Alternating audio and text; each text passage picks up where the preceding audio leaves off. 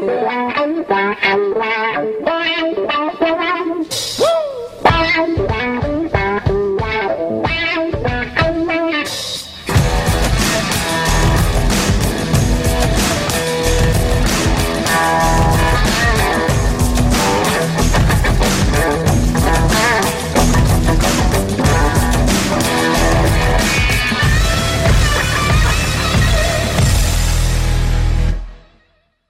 Welkom bij iedereen bij de eerste verkoude podcast van eh Eindbazen. Want jullie horen het, ik, eh, ik, ik heb een koudje te pakken gekregen. En eh, misschien moet ik wat minder vaak naakt door het bos heen lopen. Ik denk dat daar Ik denk dat dat zeker Toch? helpt. We hebben het hierover gehad. Ja, sorry. Ik zal het niet meer doen voor de- voordat een podcast opnemen. Vandaag hebben we een, een hele bijzondere eindbaas. Eentje die op het podium staat.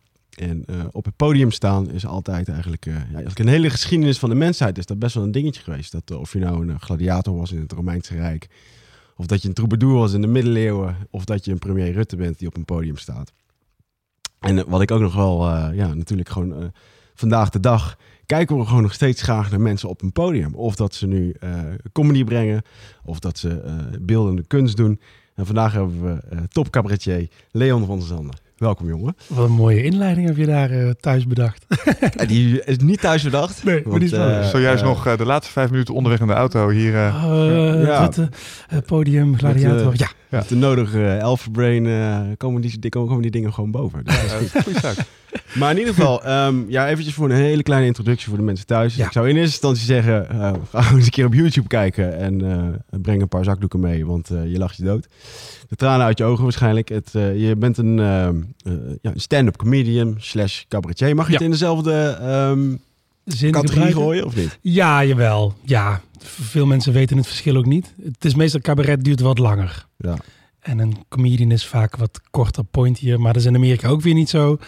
Een cabaretier mag ook wat meerdere dingen doen. Piano-stukjes eh, spelen, wat zingen. En een comedian, daar wordt dat niet van verwacht. Tapdance act. Ja, dat mag bij cabaret Ja, allemaal. ja, ja.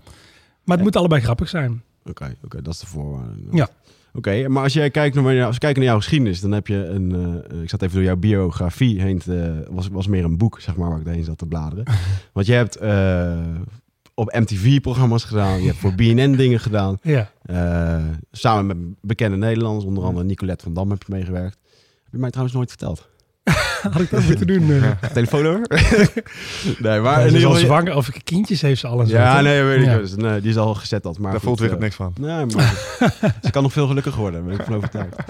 Maar ehm, in ieder geval, je hebt superveel gedaan. Ehm, en eh, wat me altijd een beetje eh, verbaast, dat als je kijkt naar stand-up comedians, dan denkt men al snel eh, naar die jongen in de kroeg die gewoon een beetje moppen staat te tappen.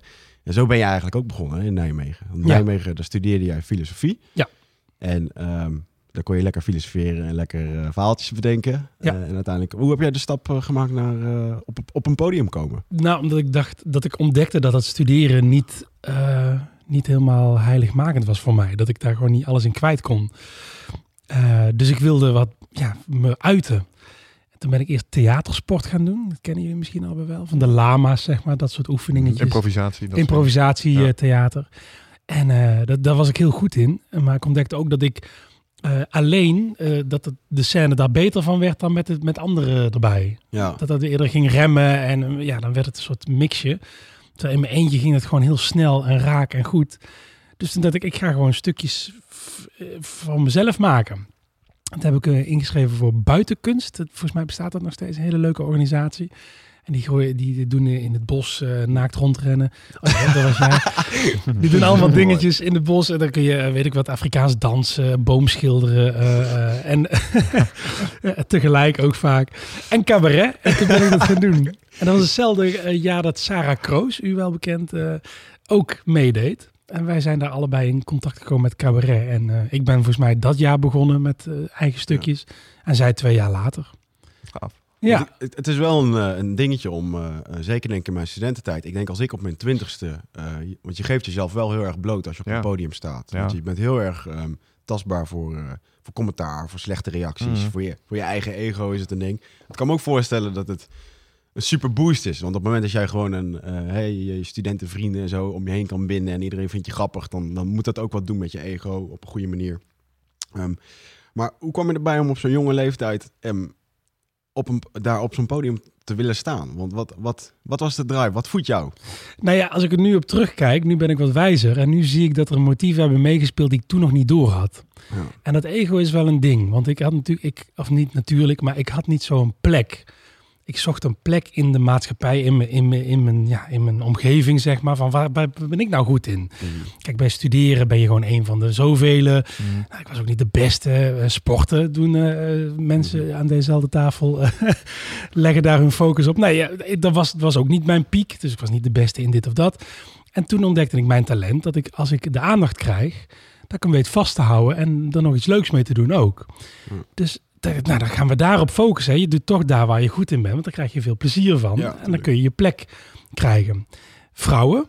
Ik wilde gewoon eh, met het eh, andere geslacht eh, beter in aanraking. en die positie vanaf het podium is gewoon een hele goede plek. Dat snap ik. Ja, vrouwen kijken daar... eh, nee, mensen sowieso kijken daar vaak naar op. Nou, wat ik net zei, iedereen vindt het nog steeds interessant om Ja. naar iemand te kijken op een, eh, op een podium. Ja, We precies. zeggen nou eigenlijk dat het een verkapte manier van vrouwen versieren was? Ja, zeker. Ja, Koketteren deels, hè. met je vaardigheden en je humor. En, Ja, dat speelde wel mee. Maar het, het was nog niet koketteren omdat ik het nog niet bewust deed. Ik was gewoon, ik wilde daar staan en, en spelen. En eh, nu terugkijkend zie ik van, oh ja, ik heb dat toch voor, voor een groot deel voor vrouwen. ja, en dat was niet iets wat je uiteindelijk wel over doet. Want ik kan me dan zo voorstellen dat je dan in die coulissen staat. En dan ga je de eerste keer ga je dat doen. En denk je, oh, jezus, Ja. ga ik aan beginnen. En dan Ja. Was het niet van, daarom gaan we dit doen. Dat was op dat moment niet het geval. Oh jeetje, dan moet ik verder. Want het is, het is nu 14 of 15 jaar geleden.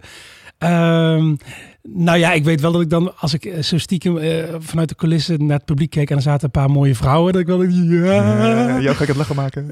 ja, dit ga ik lekker even doen. Jij ga ik eruit pakken vanavond. Ja, Ja. ga ik, ja, precies, vanavond en daarna. Heeft dat ook geholpen trouwens? Heeft dat gewerkt voor je? Ja, Oh, ja dat werkte zeker. Ja, ik heb eh, echt... eh eh, nou ja, je, je- mijn zelfvertrouwen is eh, opgekrikt, weet je wel. Je Snap hebt, eh, net als dat je de eerste tien lessen gaat boksen, dan loop je ook die, de, bij de tiende les naar buiten en denk je, what the fuck? Weet je? wel? ik kan the niet. man. Ik kan niet. Ja, ik snap Ik het. heb die ene gast ook geslagen, dus nou... En ik sta nog. en ik sta nog, ik leef nog. En, nou, dat is met, met cabaret ook. Eh, dat moment wat jij net zegt voor, voor in de coulissen, dat je denkt, oh, waarom doe ik dit? Het blijft. Ja, hè? Ja, Wordt dat, dat wordt nooit minder? Kun je er beter Ja. mee op weg? Dat laatste, wel beter mee overweg, omdat Ja. ik het nu weet. Van Mhm. oké, dit hoort erbij.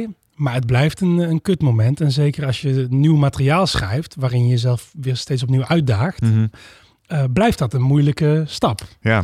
Blijft het spannend. ja, dat kan ik wel plaatsen. Want ehm, in dat opzicht is het ook... ehm, op het moment dat je eh, je materiaal hebt, nieuw materiaal, ben je het waarschijnlijk ook aan het testen. Ja. En eh, ik kan me zo voorstellen dat ehm, de, manier, de manier waarop je een bepaald grapje brengt, dat staat of valt het ook mee. En het is, Ja.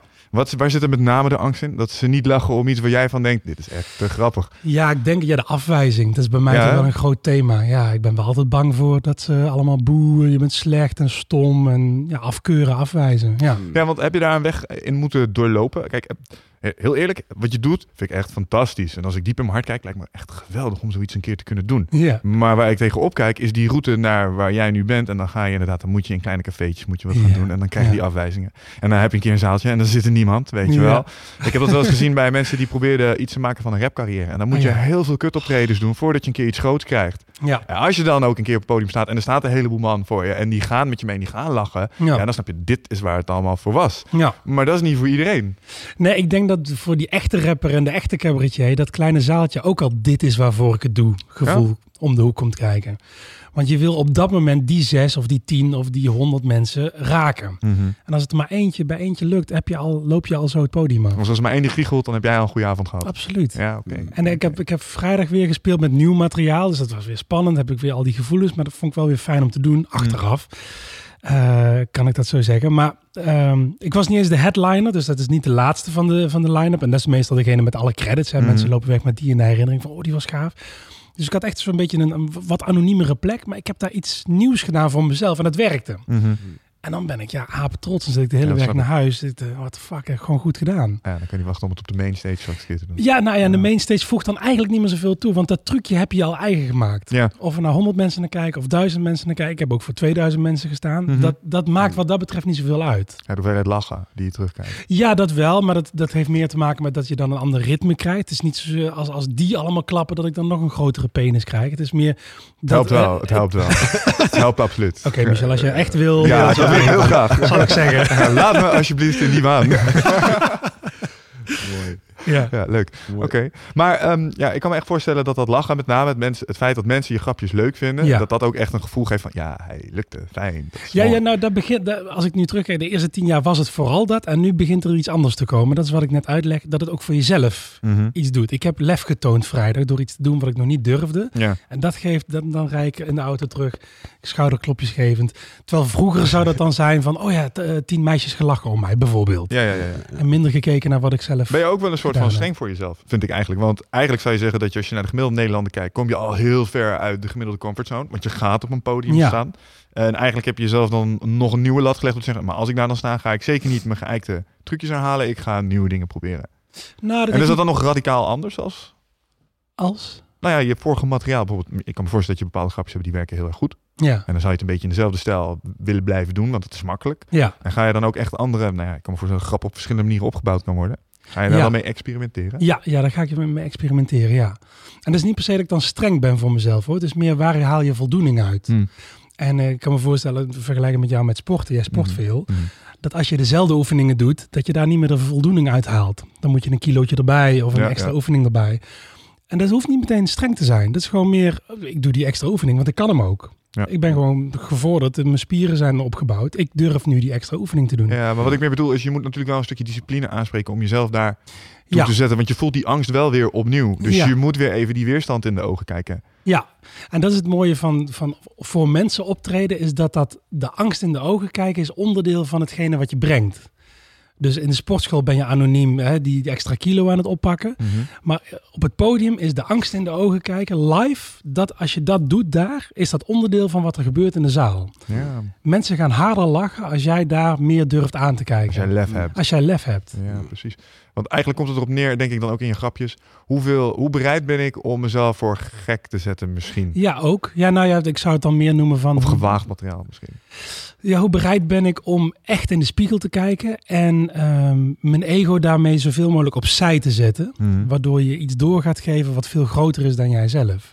Ja. Ja, ja, ik denk dat ik dat wel begrijp, ja. In plaats van mezelf goed uit te laten zien, ga ik een stukje van mezelf blootgeven wat misschien een minder fraai gedeelte Ja, van Leon is. precies, En dan maak ik wel iets grappigs van. Ja. Dus ik laat een stukje zelfsport zien ook. Ja. Maar eigenlijk ben ik heel kwetsbaar omdat ik het op die manier doe.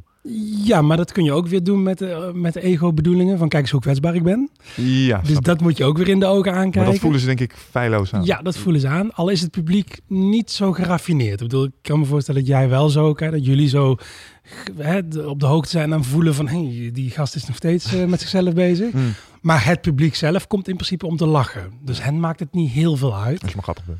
Als je maar grappig bent. Maar onderbewust speelt dat wel mee. Onderbewust speelt wel mee of iemand echt zichzelf durft aan te gaan. Hmm. Of dat hij het faked. Oké. En over dat stukje, eh, want ik wil eventjes eh, teruggaan naar de chronologische volgorde. ik dus een plan aan het verdenken. Ja, eh, de- In het bos. nou, ja, We dat het bleven in het bos. Nee, maar ik wil even nog gaan terug naar een bos op Mauritius, waar het allemaal begonnen is. Oh ja. Want jij hebt afgelopen jaar een eh, documentaire, of tenminste, ja, een documentaire gemaakt. Ja. Je bent eh, teruggegaan naar jouw eh, oorsprong. Ja. En dat was Mauritius. Ja.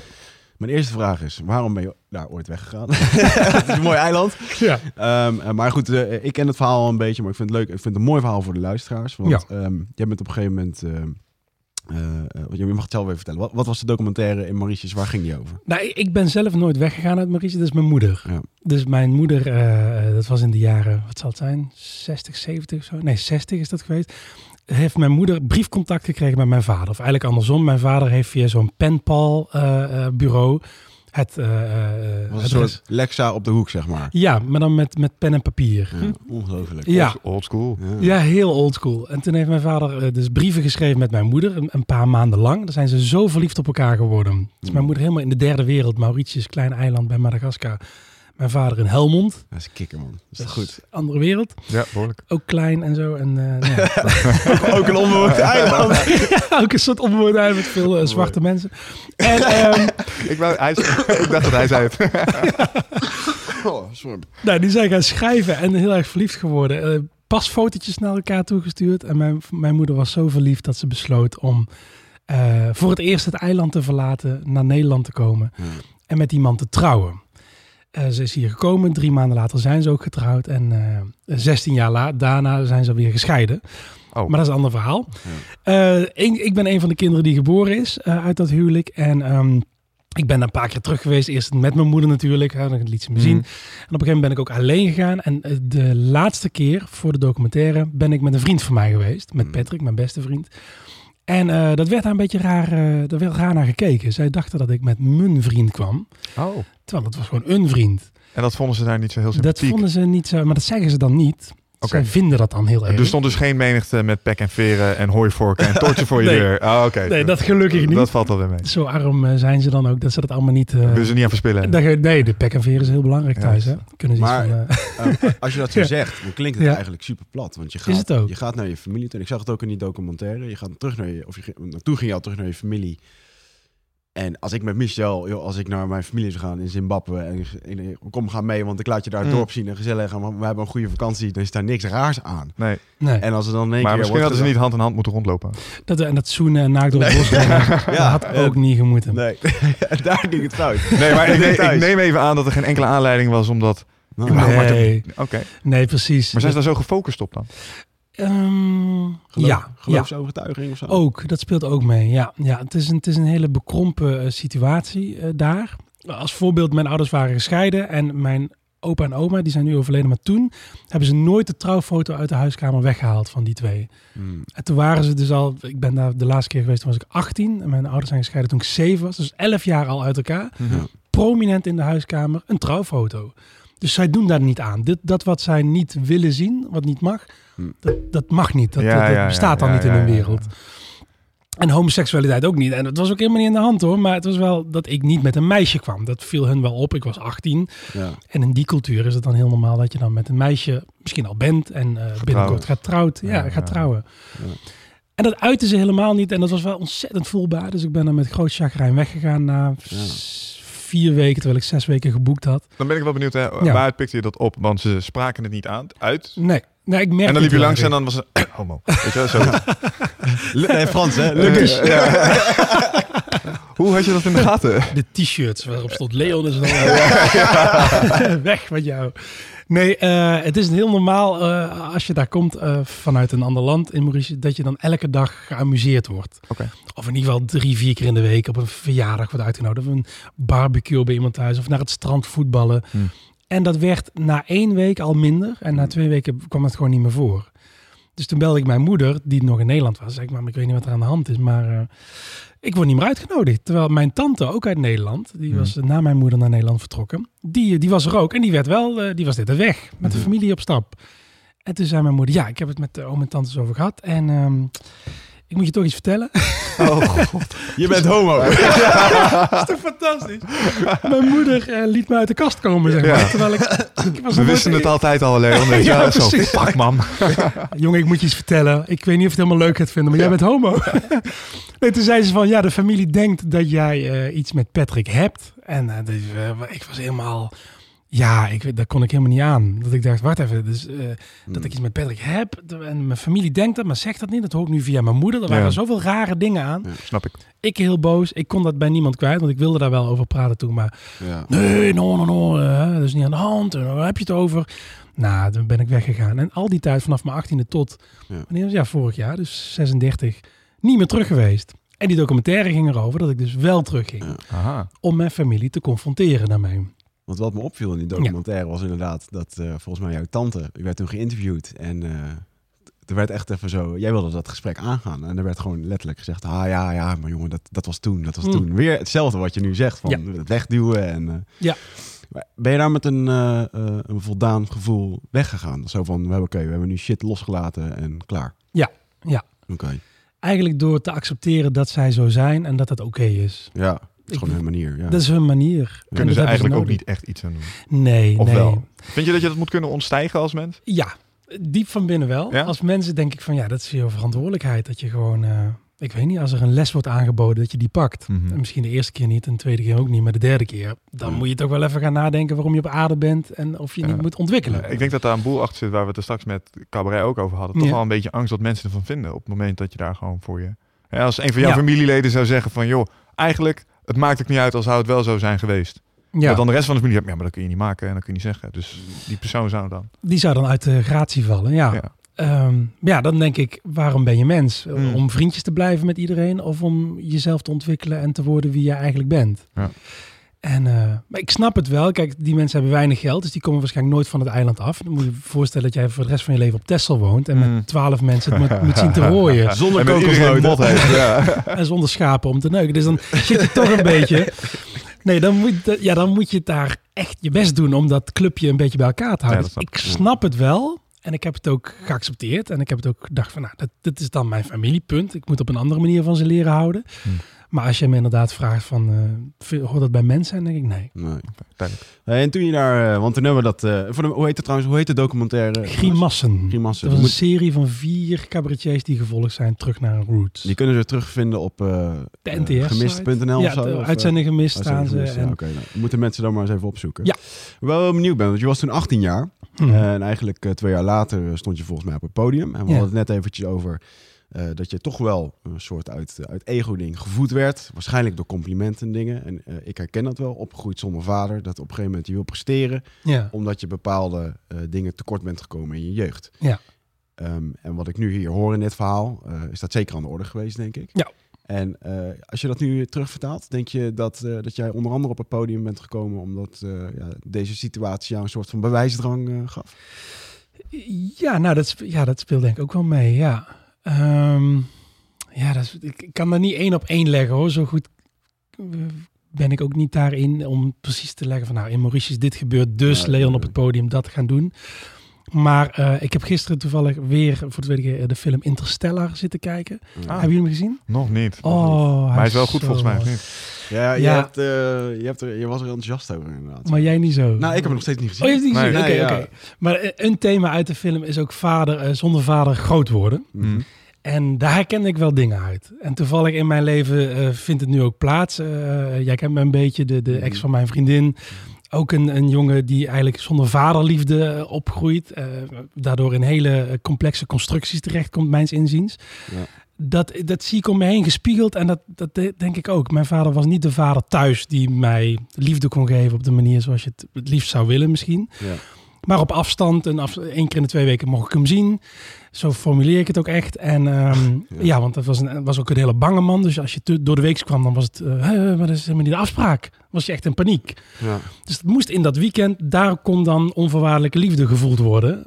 Mits je dat goed... Op afroep. Op afroep, precies. Ja, Ja. dat heeft zeker wel wat gedaan. En eh, mijn vader is nu overleden, maar ik denk nog wel regelmatig aan hem. En ik veel momenten dat ik, dat ik echt denk, eh, pap, ja, een soort... Wat ik dan ook zeg, maakt niet uit, maar het gevoel erachter is goed gedaan, hè pap? Toch, hè pap? Ja. En dan voel je toch die hand op je schouder. Ja, jongen, goed gedaan. Nou, dan, dus ik denk dat daar heel veel in zit. Mm. Dat je als man, als je dan je vader niet hebt die jou die liefde geeft, die credits geeft, dat je dan iets in jezelf aan gaat spreken, waardoor je toch aan je, aan je credit eh, eh, quotum komt, zeg maar. Ja, ja, moet je toch hebben. Je moet toch voelen dat je man bent. Een stukje validatie. is Ja, ja, ja, Ja, maar je hebt ook een rolmodel nodig. En je hebt, Ja. eh, zeker als jonge gast, heb je gewoon, eh, eh, je moet je ergens omhoog komen trekken. En, Ja. eh, ja dat, eh, dat lukt niet met alleen maar vrouwen om je heen. En, eh, Nee, ik denk dat vrouwen geven een andere bevestiging. Ja. Vrouwen geven meer een, een, een soort, ja, hoe moet ik het nou zeggen, een, een voedende bevestiging. Hè? Je, je, je, je, je bent veilig in de zin van er is genoeg voedsel voor je, er, is genoeg, er zijn genoeg knuffels voor je. Maar de vader geeft je een soort van... Tough love. Ja, Zachte heel meeste stinkende wonden. Ja, nou nee, want dan zou je de, de- dan zou je de vrouwelijke bevestiging weer een soort stinkende Nou, wonden eh, laten geven. Nee, maar- nee, nee. Moeders eh, die kon ook wel streng zijn. Ja. Maar ik weet niet hoe het... bij- Ja, eh, bij ons thuis was het zo. Als papa dan thuis kwam en pa werd hellig. Dan Ja. was het toch wel even in het gereel. Want dan was het, Ja. waren we toch wel een escalatieniveautje hoger, zeg Ja. maar. Hij werd Ja. ook niet snel boos. Maar als hij puzzig werd, dan ging je luisteren. ja, maar Ja. het is toch En dat is iets wat vaders met name kunnen brengen. Tenminste, zoals ik het gezien heb. Mhm. Is het niet gewoon een beetje man fuck up eh, idee wat hij erin kan gieten op het moment Ja. dat je dat nodig hebt? Gewoon, Ja. eh, want moeders zijn vaak wat verzorgender, terwijl een Mhm. vader misschien net die trap onder je kont kan geven. Oh ja hoor. Plus dat een vader, eh, je ziet je vader interactie hebben met andere mensen. En wat vaak, wat zegt een klein kind? Mijn papa is sterker dan die van jou, weet je wel. Dat soort Ja, dingen, daar ja, trekt hij zich al ja, op. En ja. ehm, ik heb zelfs wel eens een keertje uh, les gegeven aan kleintjes, waar een van de kinderen kwam dat... mijn papa eh, heeft ook zwarte band judo. Toen dacht ik, mooi. Kom maar. nee, nee, nee, nee, dat trapt de dromen kapot. maar dat is echt niet oké. het, gaf wel, het, het geeft wel aan hoe erg dat een kind beïnvloed wordt door, eh, Ja. door hè, wat, wat papa doet en wat papa zegt. Ja, dat hij daar, eh, Ja. weet je, daar hebben een hele belangrijke rol in. Ik, ik weet er wel iets over, want dat kwam ik net door wat Michel zei. Volgens mij is de vrouwelijke energie is een soort zijnsenergie. Dus als je daar bevestiging van krijgt, dan voel je dat je er gewoon mag zijn. En de mannelijke energie is een manifestatie-energie. Wat je concreter van bakt in het leven. En wat je maar. zou Ja. moeten worden. Ja, en Ja. dat- die heb je nodig. Ja. En dat is, dat is dat op het podium gaan staan en, en, en eh, horen dat je het goed doet. Ja. Want bij mama is het al goed. Als je bij mama kruipt, dan hoef je niet te horen dat het goed is. Dat mag je gewoon zijn. En wat ik denk dat vaders kunnen, wat moeders nooit zouden kunnen, eh, Mhm. is het volgende. Die kunnen je denk ik misschien makkelijker fouten laten maken of je aan je bek laten gaan op het moment dat dat nodig is. Ik kan me nog heel goed herinneren in mijn leven Ja. dat ik een keer werd lastiggevallen op straat door een paar eh, pestkopjes. En ik had op dat moment niet de weerbaarheid om er tegen in te komen. En toevallig kwam mijn vader daar aanlopen. En ik zei, pap, pap, je moet me helpen. Ik word Ja. lastiggevallen. Hij zei gewoon, nee, dit los je gewoon zelf op. Weet je, dit moet jij gewoon regelen. Dit moet jij gewoon leren. Ja. Als ik dit nu voor je ga oplossen. Maar ik weet wel wat mijn moeder had gedaan. Die was waarschijnlijk met de handtas erop Ja. losgegaan bij die kleintjes. Snap je? Dus, eh, en ik Ja. denk dat een vader dat misschien makkelijker zou Ja, kunnen als ja. een moeder. Ja, En dat je dat ook nodig hebt. ja dat Want je moet soms nodig, even ja. voelen, oh, dus nu moet ik mijn eigen boontjes doppen. Ja, Ehm, Oké, maar ze zijn met z'n drieën. Ja, nou ja. ja. Snap je? Dus Ja, dat moet je leren. Snap ik. En dat een vader dan toch het gevoel heeft dat zo'n situatie eh, go- eh, goed is en, en veilig genoeg is voor jou. Ik denk dat hij op de, eh, een stukje verderop heeft staan kijken of het allemaal goed afliep. Hopelijk, ja. Ja. Maar misschien dat daarom, dat een kleine toevoeging, dat daarom in het christendom God als een vader eh, eh, Mm. gezien is.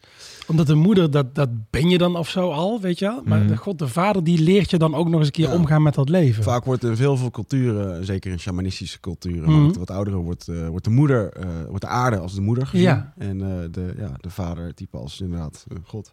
Wat een interessant boek is, het zal ik je wel eens een keertje geven. Dat heet The King, Warrior, The Magician and The Lover. En dat is een boek geschreven door Robert Greene, echt super tof boek.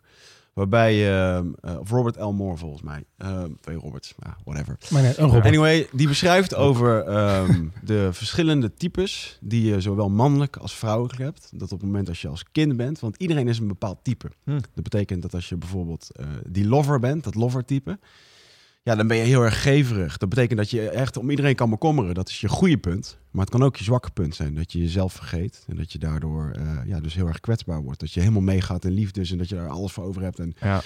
dat je vervolgens, eh, ja, weet ik veel, eh, dat je daardoor jezelf eigenlijk in een probleem haalt. Ja. De warrior daarentegen is bijvoorbeeld degene die voor zichzelf opkomt en die, eh, die stappen neemt door mensen die, die leiding durft te geven. Maar Ja. is ook weer degene die eh, kan vergeten wat, wat, wat liefde is door te veel Hm. te doorstappen. En als je, die heeft dat eigenlijk beschreven dat op het moment als je een kind bent, dan moet je dat zien in een soort driehoek. En van je hebt van al die eigenschappen heb je een, ja, daar heb jij iets van. En je neigt gewoon in sommige gevallen meer naar de ene kant dan naar de andere kant. Dat heeft te maken met ervaringen. En dat noemt hij de zogenaamde arch, ja, arch- de types, de archetypes. Mm. En eh, dan moet je er bijvoorbeeld denken aan het, eh, aan het kind. Het voorbeeld te geven. Het kind wat ehm, bijvoorbeeld een king is. Zo beschrijft hij dat. Want het, king, wat, het kind wat king is, dat zit te rammelen aan zijn bord en wil eten en loopt herrie te maken. En op het moment als hij dan bijvoorbeeld toch eten krijgt, omdat hij erom vraagt, hij krijgt het eten, flikkert hij van tafel af. Oh ja. En dan betekent dat dus dat je gewoon eigenlijk een koning bent in je eigen universum. En hij beschrijft het op een hele mooie manier dat eigenlijk ieder kind wordt daarmee gebouwd. En op een gegeven moment heb je dus een bepaald type. Maar dan komt vervolgens in één keer je volwassenheid eroverheen. En die volwassenheid, dat is, meer, wat- dat, ja, dat is wat meer logica, je ervaringen van de wereld en dat soort dingen. En je merkt gewoon dat er hele sterke types en hele sterke verbanden zijn tussen hoe iemand is opgegroeid en wat hij uiteindelijk wil gaan doen. Ja. Eh, wat hij uiteindelijk gaat worden, gaat doen met zijn leven. En eh, daar, daar beschrijft hij, als je dat boek leest, ja, dan kun je gewoon haarfijn types eruit eh, pakken. En als je Mm. dat bij jezelf herkent, eh, ja, dan denk ik wel dat het absoluut een, eh, een goede is. Het is echt een kikkerboek. King, Warrior, Magician en een Lover. Dat moeten jullie zeker eens een keertje... Maar je zei net een driehoek, maar je noemt wel vier types. Nou, hij heeft verschillende, eh, verschillende types in de zin van... Hoe kan je bijvoorbeeld een, een, een lover zijn? Dat kan zijn heel erg caring. of een lover in de zin van dat, je, ja, dat je eigenlijk heel erg veel geeft... en daardoor jezelf vergeeft. Ehm, Of bijvoorbeeld eh, de, de, de strijder kan een... eh, ehm, oh, wat was het net ook weer? Eh, de strijder kan echt een warrior zijn, als een moedig iemand. Of een Ja. tiran het kan ook een- bijvoorbeeld een tiras, dus een sadist zijn. Of een masochist. ja. Hè? Dus op het moment dat hij gewoon eh, niet wil opgeven, puur uit ego, maar doorgaat, maar eigenlijk zichzelf daardoor heel veel pijn doet. ik bedoel, dat soort types zijn er ook gewoon. Mhm. Ja. En ehm, nou, daar beschrijft hij echt gewoon een stuk of tien van dat soort dingen. Als je het boek doorleest, ik ga het je sowieso geven. Want het is echt een, het is een gouden read in ieder geval. Cool, cool.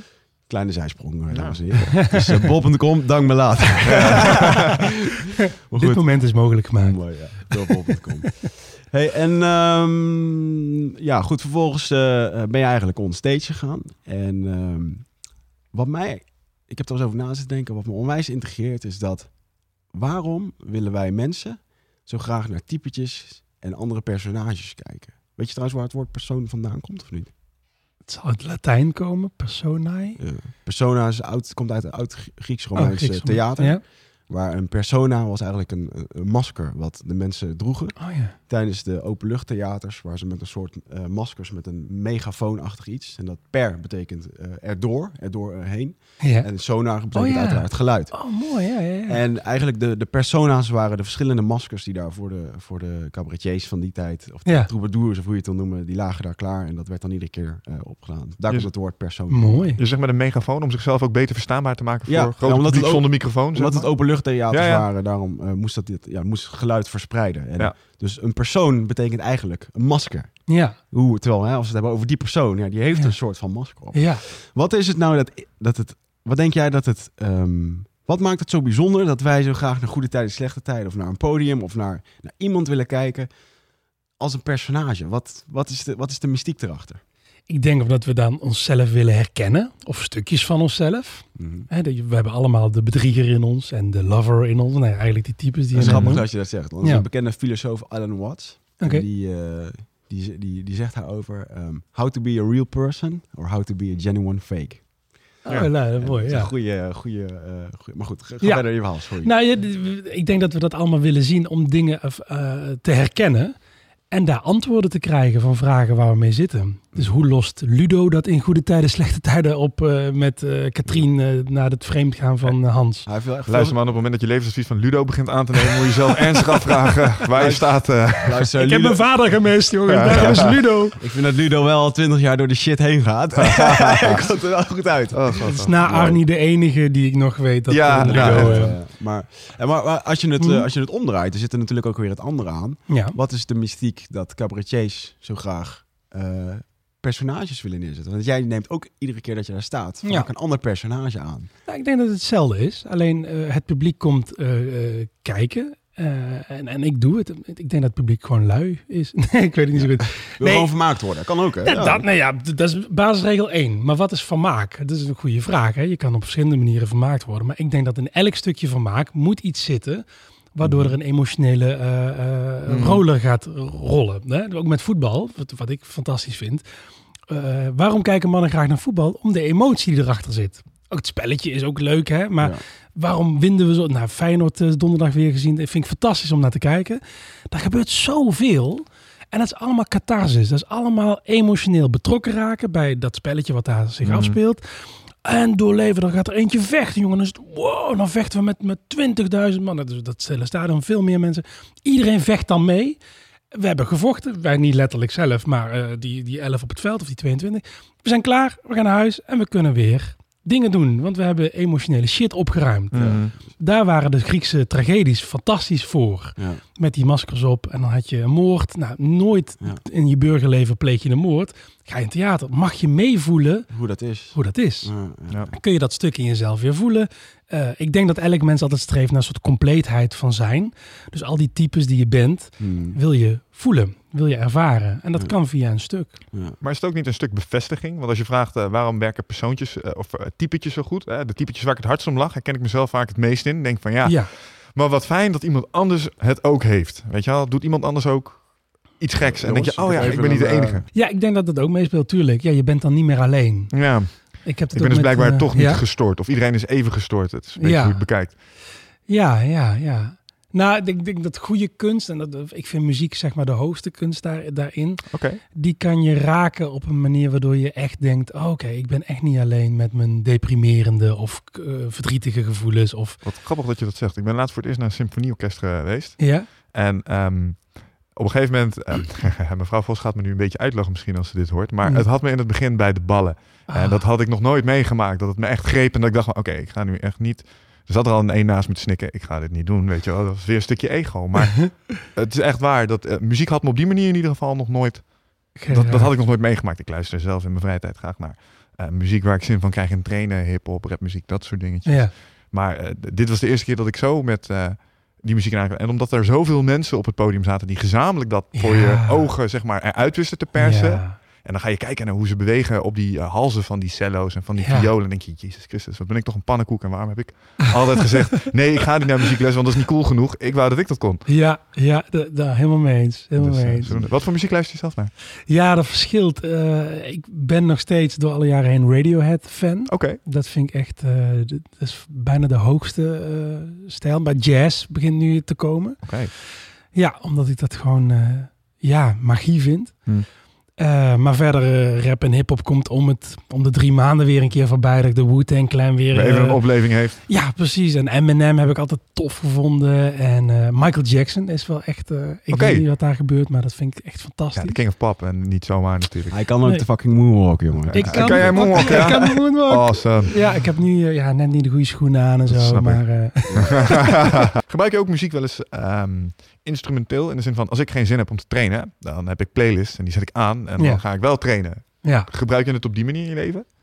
Gebruik je het bij sport of om inspiratie te vinden? Eh, ja, inspiratie zeker. Ja. Dus gisteren Interstellar gekeken. Vanmorgen werd ik heel vroeg wakker met inspiratie. En dan Ja. zet ik echt die soundtrack van die film weer op. ja, om dat gevoel te krijgen dat Ja. je erbij Dan zit ik in dat gevoel. En ik, ik geef ook les in, in comedy en cabaret. En ik raad mensen ook altijd aan om eh, een muziekje op te... Voor sommige mensen werkt het helemaal niet hoor. Dan moet je het niet doen. Maar eh, het, het brengt je in een sfeer. Kijk, voor mij is alles is trilling. Hè? Ja. Alles wat ik doe, ook op het podium, is een vibratie uitstralen. Ja. Het publiek heeft een vibratie. En voor mij is de bedoeling dat onze vibraties gelijk lopen. Mhm. Dan hebben we echt contact. En muziek is daar de meest zuivere vorm van. Een, een boek gaat nog via lettertjes in je hoofd. En dan voel je op een gegeven moment wat de schrijver Ja, bedoelt. ja. Ja, is het is ook prachtig. Ik, ik, ik lees weer... eh, Muziek gaat je hoofd in en drukt direct op knoppen. Eigenlijk wel, ja. Ja. ja. Ja, dat ken ik wel. Grappig. Dit is een ding dat ik, eh, zeg maar, als eh, spin-off van de, de Eindbazen podcast. Ik vraag de meeste gasten, vaak na de tijd, eventjes zoveel. Wat gebruik jij nou eigenlijk om jezelf gemotiveerd te krijgen? Want zo Ja. gebruik ik muziek zelf wel heel erg.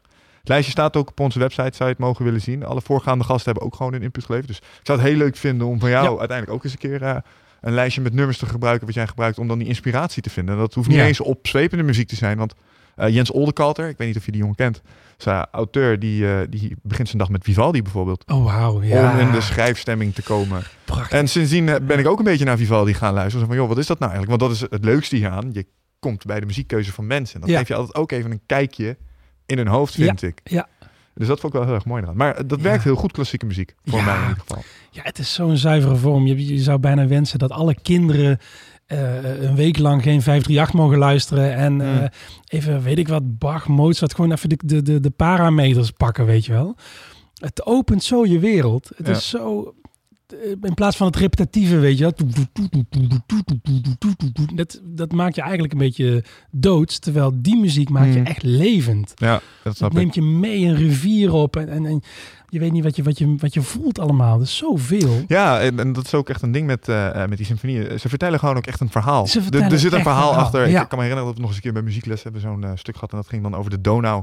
Die langs Ja. dorpjes heen ging. En dat zingen. Op een gegeven moment, als je het verhaal kent, ga je het er ook in terug horen. Ja, nou, dat en dat is zo verrijkend. Ik had nog wel een vraag over, want het vond ik mooi dat jij net Jens aanhaalde, Michel. Hmm. Want Jens was een interessante gast. En ik vond het mooi dat hij, is ook stoere gast. Ik bedoel, eh, heeft zijn kickbox eh, eh, ja, sporen eigenlijk wel gewoon verdiend en alles wat hij Oprichter van de. Bootcamp Club. En uh, Sportwillen. gewoon voor een flinke taaie gast. En ik vond het mooi dat hij hier eh, een boek, eh, een, hij heeft een boek geschreven over Badr Hari en Ernesto. En hij zat toen vertellen dat hij een keertje een lezing gaf en dat hij naar Groningen ging. Dat hij daar eh, al zijn boeken, hij kwam als bestseller kwam hij binnen. En hij zag ehm, ja, al die boeken staan in piramidevorm bij de Bruma. Hij, hij zei, het deed me helemaal niks. En vervolgens deed hij daar een, eh, Ja. een boekbespreking in. Groningen. Kwamen mensen handtekeningen vragen. En hij deed dat met een, eh, met een auteur. Die had eh, volgens mij De Prooi geschreven, wat heel lang. Ik heb het boek nooit gelezen. Ik ken de auteur ook even niet bij naam zo. Maar dat heeft hij, daar had hij dat toen samen mee. En vervolgens zaten ze samen te lunchen. Er komen een paar studenten, die kwamen handtekeningen vragen. En die man die, die bleef hem gewoon aankijken. En die zei op een gegeven moment van... joh, kan jij nog eigenlijk wel genieten van dit moment? En toen zei hij, ja, hij zegt, ik brak bijna. Ik begon bijna te janken waar hij bij stond. Gewoon een soort van burn-out-achtige ja, burn-out-achtige symptomen. En ehm, ik bedoel, ik heb jou eh, bij je allerlaatste show Rebel heb ik jou eh, gezien. Toen had je 130 shows erop zitten. En ik ben Mm. al kapot als ik hier twee Mm. uur heb gepodcast. Want en je Ja. moet geven, je energiepeil wordt zeker daardoor aangetast. Ik kan me voorstellen dat als je 130 afleveringen voor groot publiek hebt gedaan op podium en het denkproces wat erbij komt, want het is niet zo dat jij best bij die 130, daar ben je al jaren mee bezig. Of maanden, jaren, weken misschien. En ja, dan zit je aan het einde van die rit. Herken jij dit? Wat, eh, wat Jens eh beschreef? Nou, ik slaap wel tussendoor. Hè. Het is niet 130 achter elkaar. Nee, dat Non-stop. Non-stop, geen eten. Nee, ja, ik herken wel de, de, de vermoeiing. Maar ik denk dat de ontroering die bij Jens speelde wel iets anders is als de vermoeidheid en eventuele eh, het breekmoment van mij na de 130ste hoor. Tenminste, wat ik zo voel bij, bij het verhaal wat je vertelt. Mhm.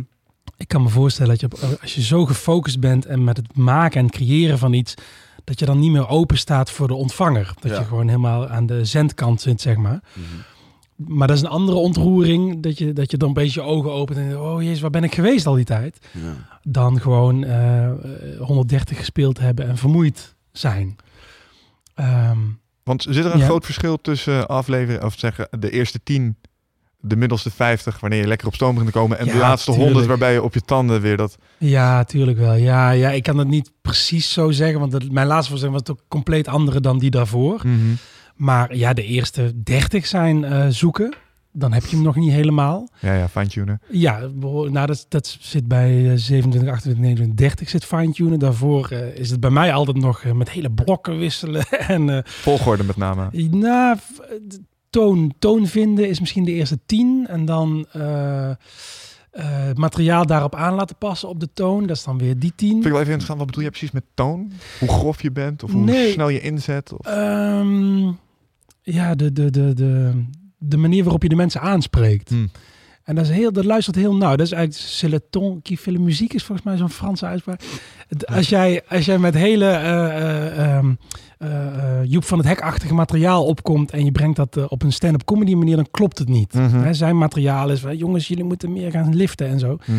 Ja, daar hoort een toon bij die zo goed gekozen is, of die zo, ja, dan moet je zo goed voelen waar die zit, eh, dat de mensen aanvoelen wat jij bedoelt met al je grapjes. Ja, ja, ja, delivery. De, ja, want de grapjes zelf is nog niks, maar eh, tien grapjes achter elkaar, dan vertel je al een verhaaltje. Mhm. En daar hoort een hele, daar hoort de toon bij. Ja. En die ben ik nu bijvoorbeeld aan het zoeken voor mijn nieuwe show. En dat is echt zoeken. Dat is echt zoeken en proberen, vrijdag proberen. En van die, ik heb daar 20 minuten gestaan, dat was één minuut goed.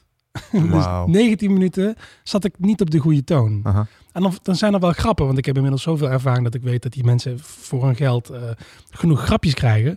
Maar dan weet ik, oh, oké, hier zit ik inderdaad, hier ben ik te arrogant, hier ben ik te streng, hier ben ik te soft. Ik ben Ja, ook ja, ja. heel vaak te pleaserig. Eh, hier wil ik te graag dat grapje vertellen. Hier de- en één minuut was ik vrij. En dat is de toon waar ik nu naar zoek, naar een soort onafhankelijke toon waarin ik zelf los durf te zijn in mijn minuutje. En dan voel ik een totaal andere dynamiek. Dan komt het publiek ook mijn kant op. Mhm. Terwijl in mijn please grapjes ga ik heel erg kijken. Geven en brengen. En, ja. Ontzettend. En dat luistert zo nauw. En dan moet je echt zoeken. Dat is nog voordat je speelt, ben je toon aan het zoeken. Mhm. En dan ga je spelen, dan test je je toon. Maar volgens mij moet je jezelf ook kunnen voelen op zo'n moment. Dat is alles. Van, dat is, zo werk ik in ieder geval. Ik weet niet hoe andere cabaretiers, maar ik werk met voelen, voelen, voelen, voelen. Alles voelen. Nou, ik vond het wel mooi toen ik jou in, eh, ben ik een keer met jou meegegaan in, ehm, met, in Utrecht toen met het eh, Comedy Festival Oh ja, ja, volgens ja, mij. ja, ja. En toen moest hij drie keer achter elkaar optreden. En Ja. ik weet nog dat we daar over straat liepen. En ik had zijn eerste optreden gezien. En dan, eh, wat ga je zo meteen dan doen? Werd, Ja. er, werd er gevraagd. Hij zei, ja, nou, weet ik eigenlijk nog niet. Ik kijk zo wel. En die gast echt zo van, kijk je zo wel? Hoezo? Hij zei, ja, ik heb gewoon, eh, ik heb toch hoeveel afleveringen of hoeveel shows zit je achter de rug? Ja, Die zitten, hij zegt, die tover ik zo uit mijn, uit mijn broekzak. En het is inderdaad, je komt in, een, eh, in zo'n tent binnen. En je, die tent die zit helemaal vol met bierzuipende studenten en mensen. Zeker in Utrecht, daar is Ja. een ding. En er, Mhm. staat dan, eh, er stond ook echt een studentje op dat moment zijn grappen te doen. En je voelt meteen de vibe van Ja. zo'n tent. Weet Ja. wel? Dat, dat draagt meteen wel bij. ja. Maar ehm, jij hebt een, een, een shitload aan ervaringen. Aan ervaringen van grappige grappen. Dus als Ja. het moet, en jij trekt je boeken open, dan Ja. kan je drie uur vullen. Je hebt repertoire. Ja. Ja, genoeg. Ja, ja. Niet, niet meer wat kloppend is, want heel veel repertoire hoort echt bij toen ik 21, 23, 25 was. Oh. Dat zou, als ik dat nu zou doen, zou dat niet meer kloppen. Dan, dan wordt daar niet meer om gelachen. Hm. Hoe goed de grap ook is, maar dan voelt het niet meer kloppend. Grapjes over Saddam Hussein werken niet meer. Nee, moeten mensen toch nadenken, wie is dat ook alweer? Ja, Ja. ja. Maar, maar wat ik wel, eh, wat, dat vind ik wel mooi bij jou aan het. eh, laatst vroeg een vriend van mij, vroeg van, joh, dat is al een beetje een vraag als je een cabaretier enigszins kent. Hoe is die nou in het echt? Mm. Is die in het echt ook zo grappig? Ja. Nee. Saaie lul, man. Dit is echt Maar- de meest grootste Ehm, podcast ooit. Ja. ja, maar toen, toen heb ik dat voor hem beschreven. Toen zei ik ook van ja, zeg maar, zoals ik Leon ken en op het moment als ik iets tegen jou zeg, wat mij opviel eh, van het begin dat ik jou ken, is dat het een halve seconde eh, nodig heeft om even te, te landen. Dan lijkt het alsof jouw brein die denkt er even goed over na en dan komt er altijd wel een soort van bedachtzaam antwoord. En dat, dat vind ik uniek aan jou, dat vind ik altijd mooi aan jou als persoon. En dat is waarschijnlijk ook waarom je goed bent in je, in je ding, dat je even goed over nadenkt en je kan dat snel verwerken. Alleen als jij op het podium staat, dan hoeft iemand maar iets te zeggen en je vuurt hem als het ware in een milliseconde eruit. En Ja. is, dat, is dat echt het moment van het podium waar je... Waar je eh, Ja, ja, ja dat, dan is het zo eh, opgeklopt, hè? Mhm. Dan is mensen op dat moment is het dan de wedstrijd. Het is gewoon de wedstrijd. Ja. En dan kun je niet meer nadenken, doe ik een linkshoek of een rechts? eh, Dus je reageert gewoon. Ja, eigenlijk wel. Je staat Dat op scherm en is gewoon... pioeng, Ja, daar dat is gaat die vrijheid waar ik het net over had. Dat, dat je echt vrij van denken bent en oordelen bent. Volgens mij noemen ze dat de zone. Dat is volgens Ja. mij de zone. Ja, flow. De Flow, flow. states. Ja, Ja. absoluut. En dan, bam, dan heb je zoveel vertrouwen in, in, in jezelf en in het moment. Dat je, wat er dan ook uit je bek vliegt, daar goed. vertrouw je op. Dat, Ja. gaat, dat gaat gewoon goed En hoor je jezelf wel eens dingen zeggen dat je denkt van... Oh shit. Ja, maar heel vaak dingen. En dat is denk van, van dit was fucking shit in de zin van dit was echt goed. Ja, ja, ja. dat je iemand in één keer de mond snoert of iets dergelijks. Heb je dat wel eens nodig in ik- shows? bijvoorbeeld een kind van zes jaar. Hè? Ja. Bij zijn laatste show toen eh, vroeg hij eh, in het publiek van wie gelooft er in trouwen. ja. Eh, Oh, ja. Toen zaten er 120 mensen elkaar eh, twijfelend aan te Ja, kijken. ja, ja, van wat ja. moeten we nu antwoorden? Ja. Maar eh, toen was er een klein meisje die eh, stak de hand op. Ja. Met wie wil jij trouwen? En eh het meisje zei ja, met papa. Met Ah. papa. Dus, Dat is prachtig. Dat Dus je even heel- afgefakkeld waar iedereen bij stond. eh. Nee, nee, nee. maar Dat, dat heb ik echt ge- heel veel credits gegeven. Dat meisje. Die papa niet. Want, een Ja. maar Nee, maar dat, dat, nou, dat is niet helemaal waar. Want Nee. eh, toen ging heel de zaal, ah, Ja. lief. En dat liet hij even vijf seconden indalen bij iedereen. En vervolgens zegt hij, dat is jammer, dat kan niet. dus het meisje was zo meteen weer zo van, oh ja, oké, mooi. ja. Eh, ik vond het in ieder geval een goede... ik vind dat je le- leuk ad rem eh, op een podium kan staan. En eh, voor de mensen die eh, dat eens een keertje op YouTube naar willen kijken... volgens mij was ook nog een keertje de, voor jou aflevering met Zwarte Hond over die Limburger. Oh ja, ja. Ook, Limburg, Brabant- Wie komt er uit Limburg? En stak één keer al zijn hand op. En terwijl die deed... Ik heb gezien, ah, trouwens, ik woonde daar. Ik weet- Ja, ja, ik kwam ja. uit Limburg. Ja, die, ja, precies. Ja, ja. Goeie, goeie, eh, die dacht even van, hier kom, hier kom ik al weg. Maar die werd natuurlijk weer... eh, ja, Teruggepakt. Maar die, die man dat is echt fan voor het leven. Die komt nu elke show, als ik in dat theater sta, komt hij kijken. Oh ja? Ja, het is zo. Maar dat, we hebben ook echt een dingetje gekregen. Niet, niet eh, persoonlijk of zo, maar gewoon door dat moment. Ja. Dat was zo'n eh, een eh, tik-tak.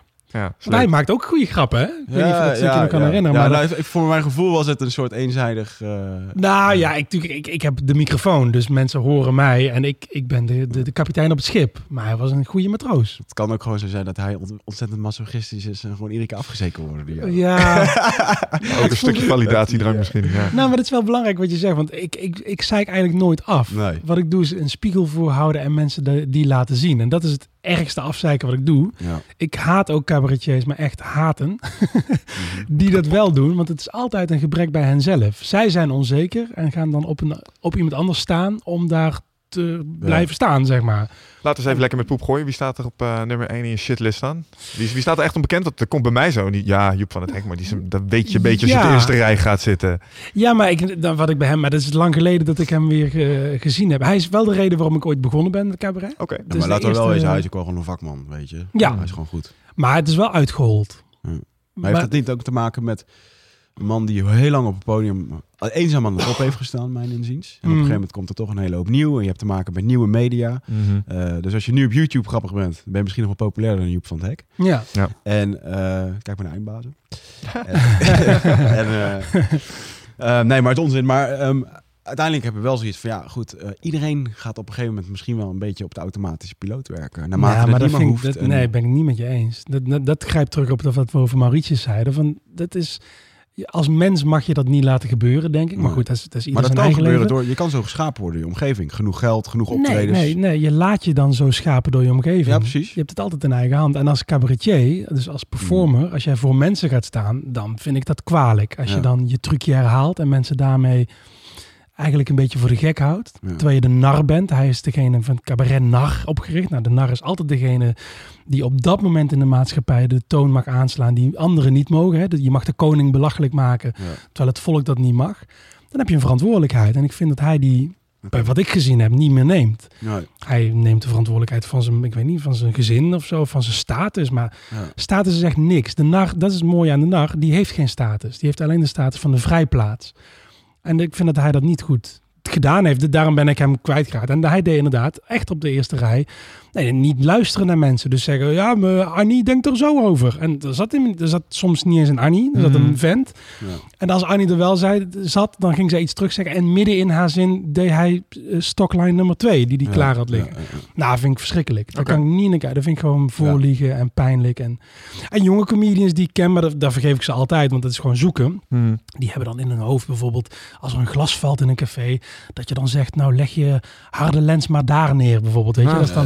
Ja, Ja. Ja, ja, ja. Ja, heel. En die, die hoor je ze dan doen en eh, tien mensen lachen er ook wel om. En dan denk ik, oh ja, dat is gewoon niet de basis. Hè. De basis is gewoon, je bent aan het communiceren met die mensen. Mhm. En kijk maar wat er dan komt als er een glas valt. Maar is het ook niet de ervaring? Want als, als ik als jonge student sta en ik weet van, oh, Ja. dat, met die harde lens, dat, eh, dat werkt. die ja. valt. En dan, Ja. ah, je bent toch nieuw. En dan, het heeft ook gewoon te maken met de jonge hond die op een podium Ja. staat. En eh, een stukje ervaring. Eagerness, denk ik ook. Tuurlijk, ja. En, en eh, eh, onzeker. En eh, nee, ik vergeef het ze altijd. Alleen, eh, nee, ik ben wel... Ja. Als ik ze opleid, ben ik wel streng. Ik denk Ja. wel van, ja jongens, eh, dit zijn wel de momenten waarop je de grootste winst kan boeken. Namelijk je bek houden en dan niet die stoklijn gebruiken en kijken wat er dan uit je mond vliegt. Dat is veel interessanter. Kan je eens wat vertellen over wat, eh, eh, wat je bedoelt met, die, eh, met Ik leid ze op? Want jij bent inderdaad ook docent in, Ja. eh, in meerdere vakken. Je doet iets aan inspirerend leiderschap. Dus je staat zowel voor zakenmensen als voor, eh, voor studenten. Voor de mensen die echt stand-up comedian willen worden. Ja. Hoe, hoe, ziet het, eh, hoe, ziet, hoe ziet het schoolprogramma eruit van een stand-up? Lijkt me ideaal, zeg maar. Grapjes maken de hele dag. Ja. Ja, ja nee, dat is het dus helemaal niet. Het wordt wel vaak heel grappig hoor, omdat de, de, de, de sfeer is altijd wel ontspannen. Daar zorg ik altijd wel voor. Maar eh, de kern van de zaak is, eh, bij, ook, als ik voor zakenmensen eh les geef of masterclasses geef, is iemand voor de groep zetten en kijken wat er dan gebeurt. Ja. Want dat, dat is zo'n heftige spiegel. Als jij voor de groep staat, dan voel je je bekeken. Dan komen al jouw, jouw tics die je zo graag weg wil stoppen, komen opeens aan het licht. Mm. Nou, en dat spiegel ik. Dus dan laat ik zien, dit zijn de tics die ik nu zie. Dit zijn het, het gedrag wat jij nu vertoont. Is dat ook wat je wil uitstralen? Strookt dat met je intentie waarom je hier voor de groep staat? Ja. Nou, en daar zit zoveel in. Dat is niet alleen voor presentaties handig, maar ook gewoon voor wie jij als mens bent. Hoe jij als mens in de maatschappij staat. En bij comedians richt ik het dan op, je moet morgen weer op, optreden. Wil jij dit laten zien? Ja. En bij zakenlui zeg ik, je hebt morgen een presentatie. Eh, ik merk dat jij heel onzeker overkomt, terwijl jij anderen moet inspireren. Zou je de inspiratie in jezelf niet eens eerst gaan opzoeken en dan daar contact mee maken en dan voor de groep gaan staan? Ja, ik denk dat dat een van de belangrijkste doorslaggevende elementen is is, van een overtuigend gesprek. Ja, volgens mij is dat het. Ja. Zeg maar dat je altijd Ja. contact kan maken met datgene wat je, waar je het over hebt.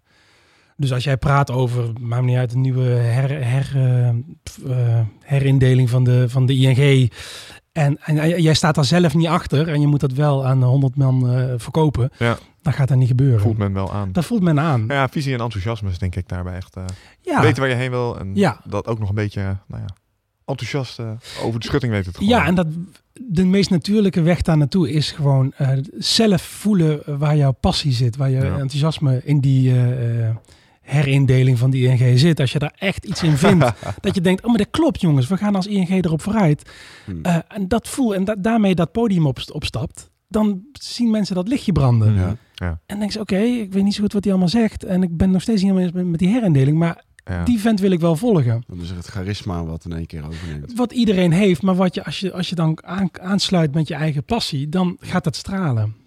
Vind ik het gevaarlijke van het, eh, eh, de politieke vorm ervan. Hmm. Waar je bijvoorbeeld eh, voor een, een Bush die voor de, voor de televisie komt met een blauwe stropdas, omdat het een bepaald soort type nieuws is. Ja. Waar allemaal storywriters achter zitten die hun, zijn speech eruit rammelen. En waarbij eigenlijk gewoon een fake persoon, Ja. personage hebben we weer op het podium staat. Ja. Weet je wel? En ehm, als je dan kijkt naar, ehm, ja, ook hoe wij mensen af, afschilderen. Bijvoorbeeld een politicus. Laten we Mhm. weer, nu van de week was er weer eentje afgetreden of zo. Die had een overtreding gedaan met, een, eh, met zijn auto, met zijn dienstauto of zo. Weet ik Ja. wat. Is dat niet dat En dan- hele declaratieverhaal? Dat die... Ja. Ja. een declaratieverhaal. Maar oké, oké, weet je, tuurlijk, het is niet goed. Het zijn onze belastingcenten. Ja. Maar anderzijds, wat wil je liever?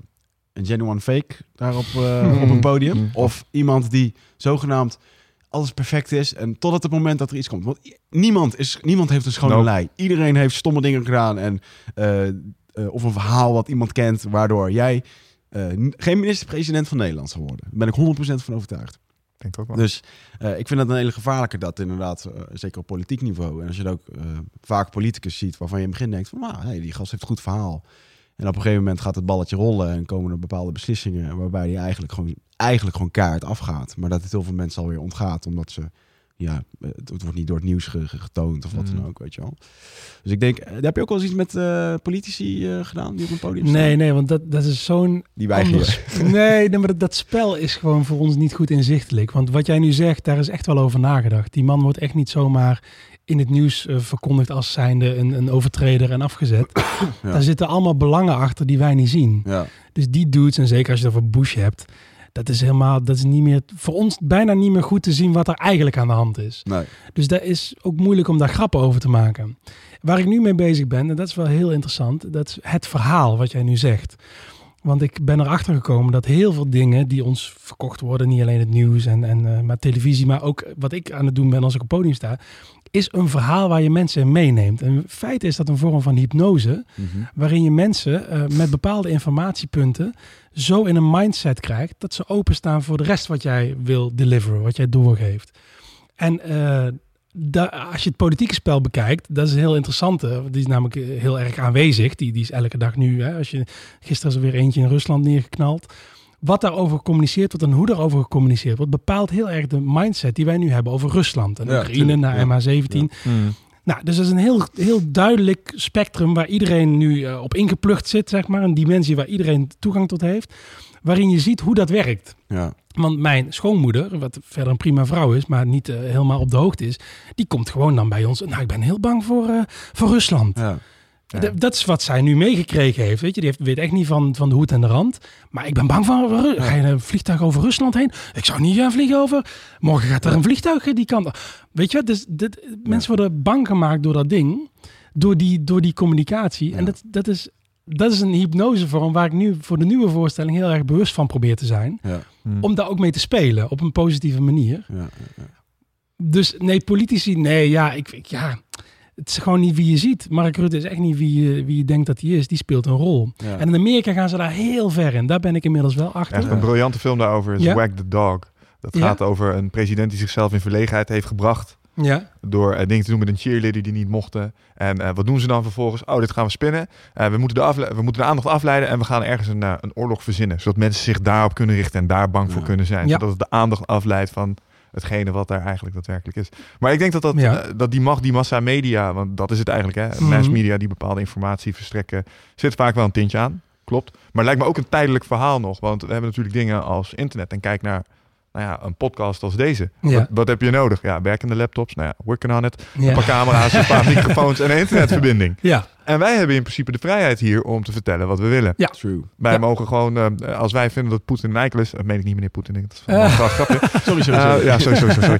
Ehm, Russisch. ja, maar dan kunnen we dat doen. Ja. Eh, en als wij vinden dat, en in Nederland hebben we natuurlijk die luxe, eh, Mm. dat we dat mogen. Hè. Wij mogen van dingen zeggen over meneer Rutte, als we dat een eikel vinden of als hij dingen echt niet goed doet. Hier Ja. in Nederland hoef je dan niet echt zorgen te maken over wat je vindt. Maar toch denk Nee. ik dat Mm. naarmate internet meer informatie zal verspreiden over de wereld, dat, ehm, nou waarom weet jij dat eh, mass media onze bepaalde kant op duwen? Dat komt omdat je inmiddels ook parallel daaraan andere informatie tot je kunt krijgen Ja. via het internet. Ja. En daar zit natuurlijk ook een keerzijde aan, want hè, als je helemaal de krochten van het internet eh, eh, ingaat, dan kom je Ja. aan de andere kant van het spectrum en daar kom je mensen tegen die nou, inderdaad aluminiumfoliehoedjes op en dat soort dingen. En Ja, dan is het. Ja. dan zijn het alleen maar samenzweringstheorieën. Ja. Eh, en de waarheid zal ongetwijfeld in het, ergens in het midden liggen. Maar ik denk dat dat tijdelijk is.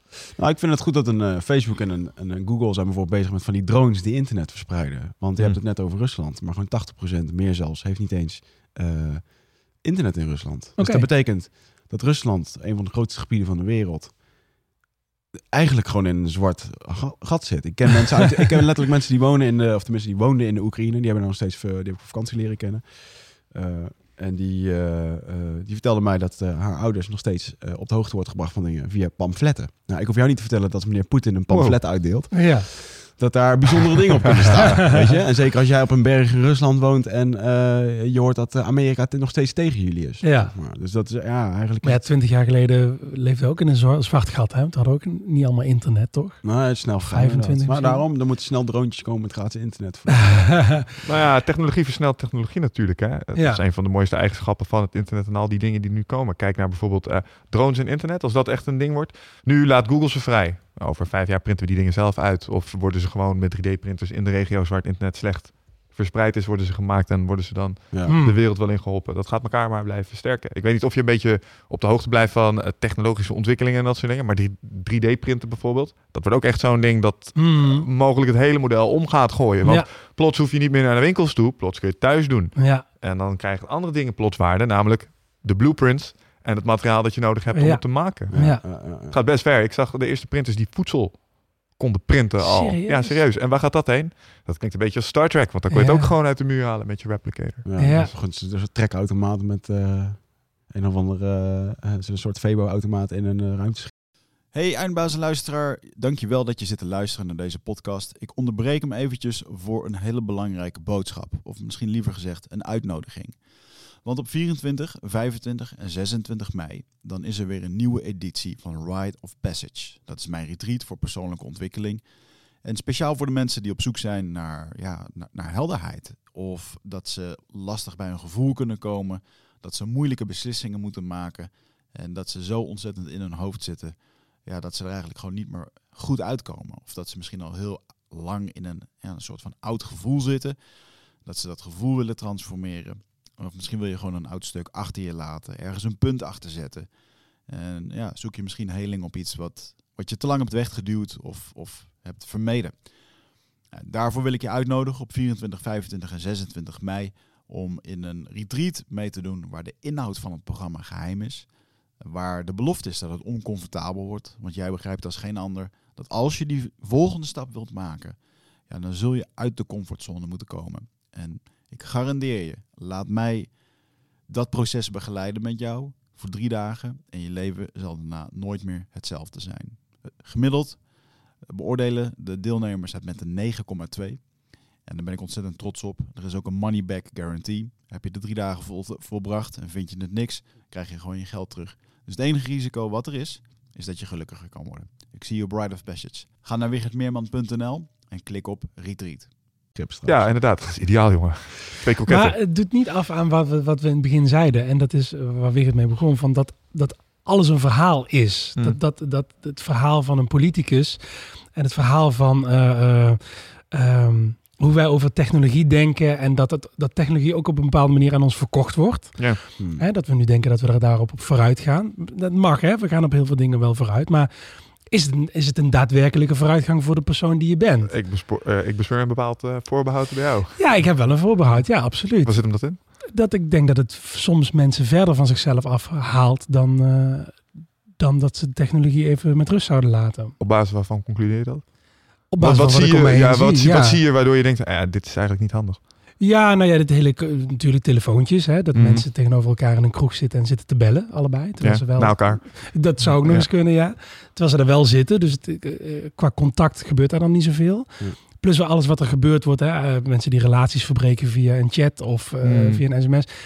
Ik denk dat dat, heel, dat dat mensen weghaalt bij wie ze werkelijk zijn. Maar wat er komen- eigenlijk aan de hand is. Maar er komen ook nieuwe momenten bij. Misschien zie je Ja. dit ook, dat- Ja. ik dan bijvoorbeeld zie. En dat denk ik, ja, maar technologie doet ook wel mooie dingen. Hmm. Dan, dan rij je over straat en dan kijk je bij een stoplicht en dan staat daar bijvoorbeeld iemand, een meisje en die kijkt op de telefoon en je ziet een glimlach over de gezicht heen. En Ja. denk je, ja, die heeft net iets leuks gelezen op WhatsApp of Facebook of wat dan ook, weet je wel. Op die manier brengt het je ook weer een boel dingen in je leven waar je normaal anders, snap je? Het brengt iedereen Ja, in contact oké, met maar elkaar. Dat had ook gekund met dat meisje dat ze een appel in de hand had. En daarna Had ze ook leuk gevonden, Wat een leuke denk appel. Ja, En nu heeft ze een andere appel. Het is kan ik meerdere kanten op, maar ja, klopt. Of staat in één keer een e-mailtje uit Mauritius van, eh hè, Ja. eh, hoeft niet meer per post eh, te komen. Ja. Ja. Nee, nee, nee, nee, tuurlijk. En, en jullie, ik hoor al aan jullie dat jullie veel meer op de hoogte zijn. En ik vind het interessant. Ik vind Hmm. het absoluut interessant. Ik denk alleen dat het, dat het de mensheid moet dienen. Ja. En eh, niet dat het, het, eh, dat het belangrijker gaat worden dan het mens zijn zelf. Ja, dat is wel heel grappig, want er zijn een boel mensen die daar wel iets van denken. Die, hè, die vinden technologie heel belangrijk. En die denken ook dat het op sommige, voor sommige problemen die we als mensen hebben, Hmm. het antwoord is bijvoorbeeld overbevolking, voedselproblematiek. Daar kan technologie een boel in doen. Ja, En daarom is het wel belangrijk voor ons als mensheid om ja. erin te blijven investeren. Maar ik zie ook wel wat je zegt, dat het ons wel steeds ook... Ja, het kan ons verder uit elkaar drijven. ja. Maar ja, ik vind het lastig in dat opzicht. Ja, nou, het is even zonder oordeel, hè? zonder of het goed of slecht is. Het is, het is wat, er, wat, er, wat je ziet gebeuren. Mm. En, en, en vooral dan wat je zelf ziet gebeuren, want daar kun je het beste naar kijken, want dat gebeurt in jouw eigen omgeving. Ik merk gewoon dat ik wat meer dingen van me afzet, doordat ik computertjes heb en het daar allemaal inplemp en via telefoontjes werk. Ehm, gewoon vandaag, ik, ik heb een, een nieuwe auto sinds kort. Nou, vind ik ook technologisch ook een hoog, hoogstaand dingetje. En dan zit ik in en ben ik aan het genieten, maar binnen drie minuten denk ik, oh, dat moet ik delen. En dan ga ik eh, bellen. En dan zit ik opeens te bellen. En dan zit ik in een gesprek. En dan denk ik, eh, heb ik nu een half uur in diezelfde auto gezeten... waar ik zo zin had om van te genieten. Ja. Maar ik zit met mijn hoofd heel ergens anders. Zit je op de snelweg met je raam uit, met de arm uit het raam selfies te maken, zeg maar met 150 Bijvoorbeeld, kilometer per uur. ja, precies. Ja, ik wil dit delen. Ja, ik snap het. Oké. Mag ik daar een kleine zijsprong van maken? We hebben nu Mag, allemaal over technologie, te- technologieën en dat soort dingen. Ja. En eh, onlangs eh, heb jij eens een kijkje genomen in de Afrikaanse technologie. Waar men eh, stenen in de grond zetten en eh, daar cirkels van maken. Oh ja, Want oh gaaf. Ja, een, van calendar. eh, ja. een van jouw beste vrienden die eh, is fa- gefascineerd door een eh, bepaald fenomeen. Wat in, eh, eigenlijk in heel de wereld voor, voorkomt, maar voornamelijk in Afrika. Waarbij honderden eh, st- steencirkels eh, Ja. zijn. Dus Ja. cirkel, ja, letterlijk gewoon een cirkel gemaakt van stenen. Ja, Vertel daar eens over, want je hebt daar een docu- ik, ja, ik zit even te denken. Ik wil weer helemaal doorratelen over al mijn... Ik word hier enthousiast van dit soort shit. ja, cool. Eh, cool. maar ehm, ehm, je hebt daarin... Hij ging dat onderzoeken. Hij vond dat interessant. Voor waarom Ja. zijn die stenen? Er is niet echt een antwoord op. nee. En eh, we hebben het nu over de nieuwste technologie. Maar toen men hier nog met een... eh, nou, misschien wel met een eh sabeltand kat, zoals we het vorige week hebben besproken. Ja, en met een, eh, vu- een vuursteen, en een vuursteen eh, eh, wapen rondliepen. Toen ja, was dat eigenlijk de te- technologie. ja. Van eh, hè, hoe mensen bijvoorbeeld eh, met astrologie bezig waren. Of met eh, ja, überhaupt van het hele waarom zijn we hier idee. En jij bent onlangs naar Afrika geweest. Je hebt een Ja. vriend van jou, die heb je gevolgd. Ja. Want ehm, jij bent eigenlijk degene die de documentaire als het ware in een verhaal moest gaan begeleiden. Ja. Klopt dat? Ja, het was zijn passie. Hij had dat ontdekt. Er zijn steencirkels gevonden van het noorden van Zuid-Afrika tot en met Zimbabwe. En dat zijn echt cir- cirkels van ja, diameters 12, 15, soms 20 meter. Eh, perfecte eh, shaped models. Dus of helemaal rond of bloemvormen. Of eh, daar weer allemaal hoeken in die, die zo mooi afgemeten zijn, zo strak afgemeten zijn, dat het bijna geen toeval kan zijn. Dus niet van groepjes, bosjes mensen moesten hun, eh, hun vee beschermen en legden wat stenen bij elkaar. Er zijn onderzoeken eh, naar gedaan en dan zie je dat heel veel van die cirkels in lijn liggen met sterrenstelsels. Wauw. Ja, dus dat is dat, dat, heeft, dat is een soort wetenschap die daar geheerst heeft, die zij hadden, Ja. die wij misschien alweer kwijt zijn. Ja. Mm. Nou, dus die jongen was gefascineerd. Hij is al tien jaar eh, aan het onderzoeken, ook van de conspiracy theories naar eh, de meest eh, grote galactische federaties eh, waarin hij terecht kwam. En hij vond hier de sleutel in. Hij dacht, als ik weet waar die cirkels voor zijn, dan kan ik iedereen nu gaan vertellen hoe het volgens mij in elkaar steekt met de mensheid. Ja. En eh, daar is een heel groot boek over geschreven de- voor hem, eh, waar hij door geïnspireerd is geraakt. En dat is dat in die cirkels de mensheid ontstaan is. Hm. Dus dat gaat uit van de Sumerische kleitabletten. Hebben jullie daar wel eens van Mhm. gehoord? Dat is het oudste geschrift wat we tot Mhm. nu toe eh, Ja. kennen. En daar is een heel mooi verhaal op ge- gekerfd. Dat gaat over dat wij eigenlijk als mensheid ontstaan zijn door buitenaards ingrijpen. Ja. Dus er was hier wel een species. Buitenaardsen zijn hier gekomen, hebben eh, ons genetisch gemanipuleerd. Ja. En daar is het de moderne mens uit voortgekomen. En- Ancient astronaut shit. ja, precies. Nou ja, daar, Ja. weet je, daar zijn heel veel dingen over geschreven. Maar dat boek eh, van de ene meneer Tellinger gaat heel erg over die plek met die cirkels en dat het daar gebeurd is. Mhm. Wij zijn daar naartoe gegaan, eh, redelijk onvoorbereid. Hij was wel voorbereid, die Bart, die, die vriend van mij. Ja. Eh, wij waren redelijk onvoorbereid, ook expres, om gewoon blanco te kunnen kijken, niet Ja. vooringenomen, vragen Mm. stellen aan, aan, aan Tellinger zelf, maar ook aan Bart en aan mensen die daar wonen. Van wat, wat voelen jullie hierbij? En we zijn er eigenlijk achter gekomen dat we heel veel dingen nog niet weten. Dus dat wat Tellinger heeft geschreven, dat dat best zou kunnen zijn. Ja. Maar dat het gestoeld is op aannames die wij daar niet gezien hebben. Nee. In die week onderzoeken. Dat is kort. Weekje dat we daar geweest zijn, mensen gesproken. Zelf in de circus hebben gestaan. Eh, er zitten magnetische velden rondom. Dus je kompas draait eh, anders. Als je in de cirkel, ja, Dat vind ik dan wel interessant. dat is heel interessant. Maar dat is dat een van de onderzoekers die wij gesproken hebben, die verklaart het heel simpel. Doordat er stenen liggen. Die lagen eerst op een andere plek. En die hebben dan eh, de, de, de moleculen in die stenen hebben een Noord- en een Zuidpool. Ja. Als je die steen van die plek afhaalt en op een andere plaats neerstaan, zijn de moleculen nog steeds zo gerangschikt. Hmm. Maar als dat waar zou zijn, zou je dan niet in de stad kunnen lopen met een kompas. Want al dat materiaal komt ook van andere plekken. Nou, er zit zit wel eh, ook bijvoorbeeld eh, kleipotten. Die kunnen ze eh, schatten op, eh, op jaartal. Mhm. Want op basis van inderdaad sterrenstelsels die veranderen. Ja. Op het moment als de klei daadwerkelijk in de oven werd gezet en werd opgedroogd, dan verandert daar in de structuur in het begin iets, iets mee. Het heeft te maken met magnetisme. Ja. En eh, de, de, de richting waar eh, bepaalde eh Wil structuren... je niet gewoon carbon dating? Nee. Kijken Nee, naar de nee, afbraak nee, van nee. radioactief materiaal. En op basis daarvan kun je zien hoe vaak een isotoop zeg maar, de helft van zijn leeftijd heeft. Is, En- is een vorm, maar dit is een andere vorm. waar Echt, echt in kleipotten. Want Oké, omdat oké. kleipotten hebben we eigenlijk het hele jaar... We, je- vroeger bakte men heel veel klei schijnbaar. ja. Zijn ja. Mensen die wij een hele- iPhone. zijn wij, mensen die wij een hele fucking leven om een pot op te graven uit de Romeinse tijd. Wat ook gewoon goed is en leuk. Maar in ieder geval daar, eh, eh, zeker uit de, de, de, de potten die van heel vroeger, daar kunnen we gewoon door basis van die structuur kunnen we zien eh, wanneer het is gemaakt. Omdat sterrenstelsels op dat moment Zo in die stonden. positie stonden. Ja. Die pot daarom is super interessant. Dus Ja. misschien dat het ook dan moleculair met die stenen zo zou kunnen. Toch? Ik denk, eh, antwoord op jouw vraag, ik heb er even over nagedacht van die stad. Mhm. Dat is natuurlijk, eh, het is, het is op een hele kleine schaal. Hè? Dus de, eh, een steen zelf heeft dat, maar dan moet je er heel dichtbij staan en dan- kun je dat eventueel merken op je kompasje. Mhm. Dit zijn grote stenen. Oké. Echt, ja, Huge. me, mensgroot, nog groter dan dat je zelf bent als je die recht overeind zet. In een cirkel geplaatst. Ja. Dus dat doet wel iets. Ja. En in de stad heb je natuurlijk een auto die voorbij. Ja, misschien zit er wel iets van ijzer in of iets dergelijks. Dat zou maar zo kunnen. Ja, ik, ik zou dat niet zo goed weten. Maar dus de, eh, het, het, het grote goed waarvan wij dachten... oh, we gaan naar hele speciale cirkels... want daar is een soort energie aanwezig... werd door die onderzoeker eh, vrij makkelijk van de hand gewezen. Ja, Ja, ja, ja, dat is gewoon, de steen lag daar en nu hier. Dus daarom is het Snap anders. ik. En daardoor is hij ook, die Bart... ik weet niet zo goed hoe hij er uiteindelijk nu over denkt... maar enigszins gedesillusioneerd geweest over zijn eigen oorspronkelijke... we gaan de wereld veranderen plan. Want hij had echt verwacht dat hij daar bewijs zou kunnen vinden Ja. voor ancient astronauts. Yep. Oké. En daarmee niet zeggen dat het niet geweest is... maar wij konden daar niet het bewijs vinden. Nou, wat ik altijd heel fascinerend vind van eh, die specifieke gedragsvorm. Vroeger had je Erik van Däniken. En die Oh schreef ja, ooit een keer een boek. fantastisch. Waren de Ja. grote cosmonauten. Ik heb Ja. dat als kleine jochie echt opgevreten. En alle achterliggende boeken die erbij kwamen ook. Geweldig. En ehm, nou ja, eh, toen kwam dus inderdaad het internet. ja. Eh, en wat ik daar al redelijk snel leerde is als je heel enthousiast bent over een theorie. ja. Dan doe je er vaak goed aan om diezelfde theorie een keer in Google te tikken met het woordje debunked erachter. Want dan Oh. krijg je, debunked staat voor ontkracht. En dan krijg je altijd een hele lijst met argumenten waarom iets Niet waar. is. niet waar is. Hè? Waar de fouten zitten in het denkwerk. Of waar ze de groene blaadjes eruit halen. Nou, Ja. En Erik van Denikse werk werd eh, redelijk snel aan gort geschoten. maar eh, er zaten wel dingen in ehm, die tot op de dag van vandaag, ehm, als je ze individueel bekijkt. Kijk, hij probeert er natuurlijk ook een verhaal van te maken. Door te Ja. zeggen, als ik in eh, Azië kijk en in Egypte en in Zuid-Amerika zie ik overal piramides. Ja. Dat is één en dezelfde invloed.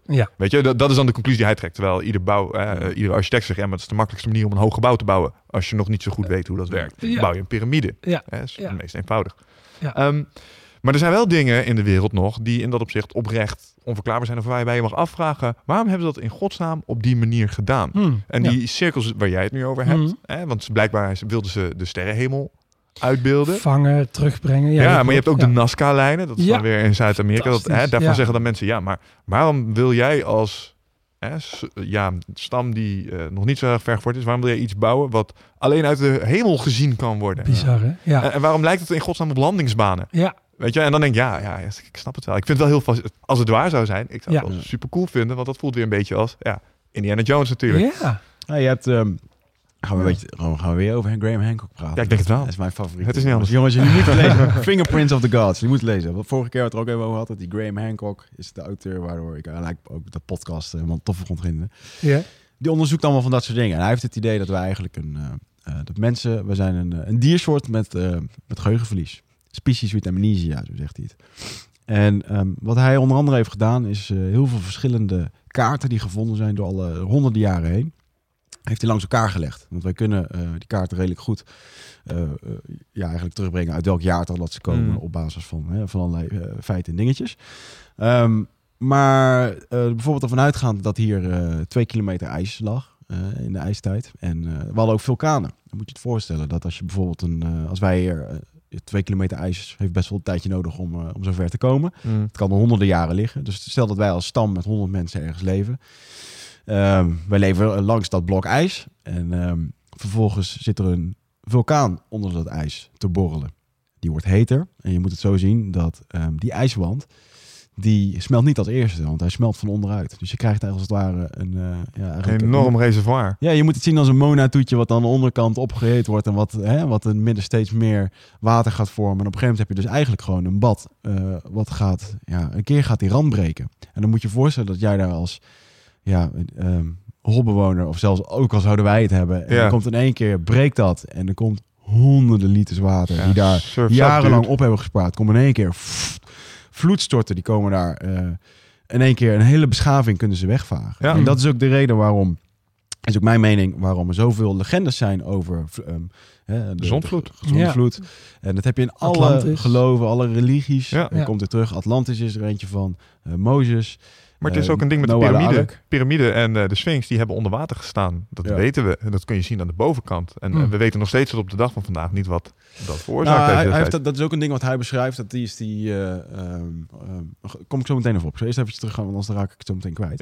Ja, dat, ehm, eh, hij heeft ook heel veel onderzoek gedaan in Zuid-Amerika. Waarbij je met Machu Picchu een hele hoop, eh, eh, ja, inderdaad, beelden van, alleen vanuit de lucht kan zien. Waarbij je kan zien dat het een walvis is. Hmm. Terwijl die walvis, Ja.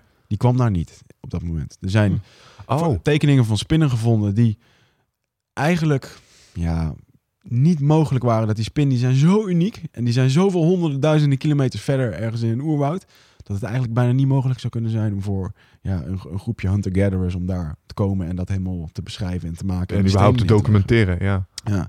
Dus in ieder geval super interessant. En hij heeft het allemaal bij elkaar gelegd. En inderdaad ook dat stenen op een zo'n danige manier als het ware gesneden lijken door iets. Dat ze Hmm. gewoon zo lijnrecht zijn. En dat Ja. ze inderdaad helemaal eh, volgens astrologische... Nou, dat astrologische, ik denk als je lang genoeg naar de sterrenhemel kijkt...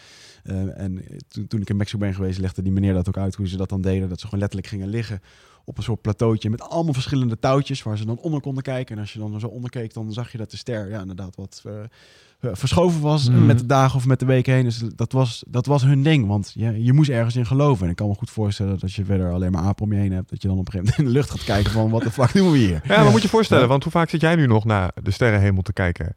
Eh, stel je hebt geen eh, lantaarnpalen en geen luchtvervuiling. Je Ja. zit midden in de jungle op een bergplateau en je kijkt omhoog midden in de nacht. Ja. Dan ga je zelf ernstig vragen stellen, denk ik, want dat is indrukwekkend.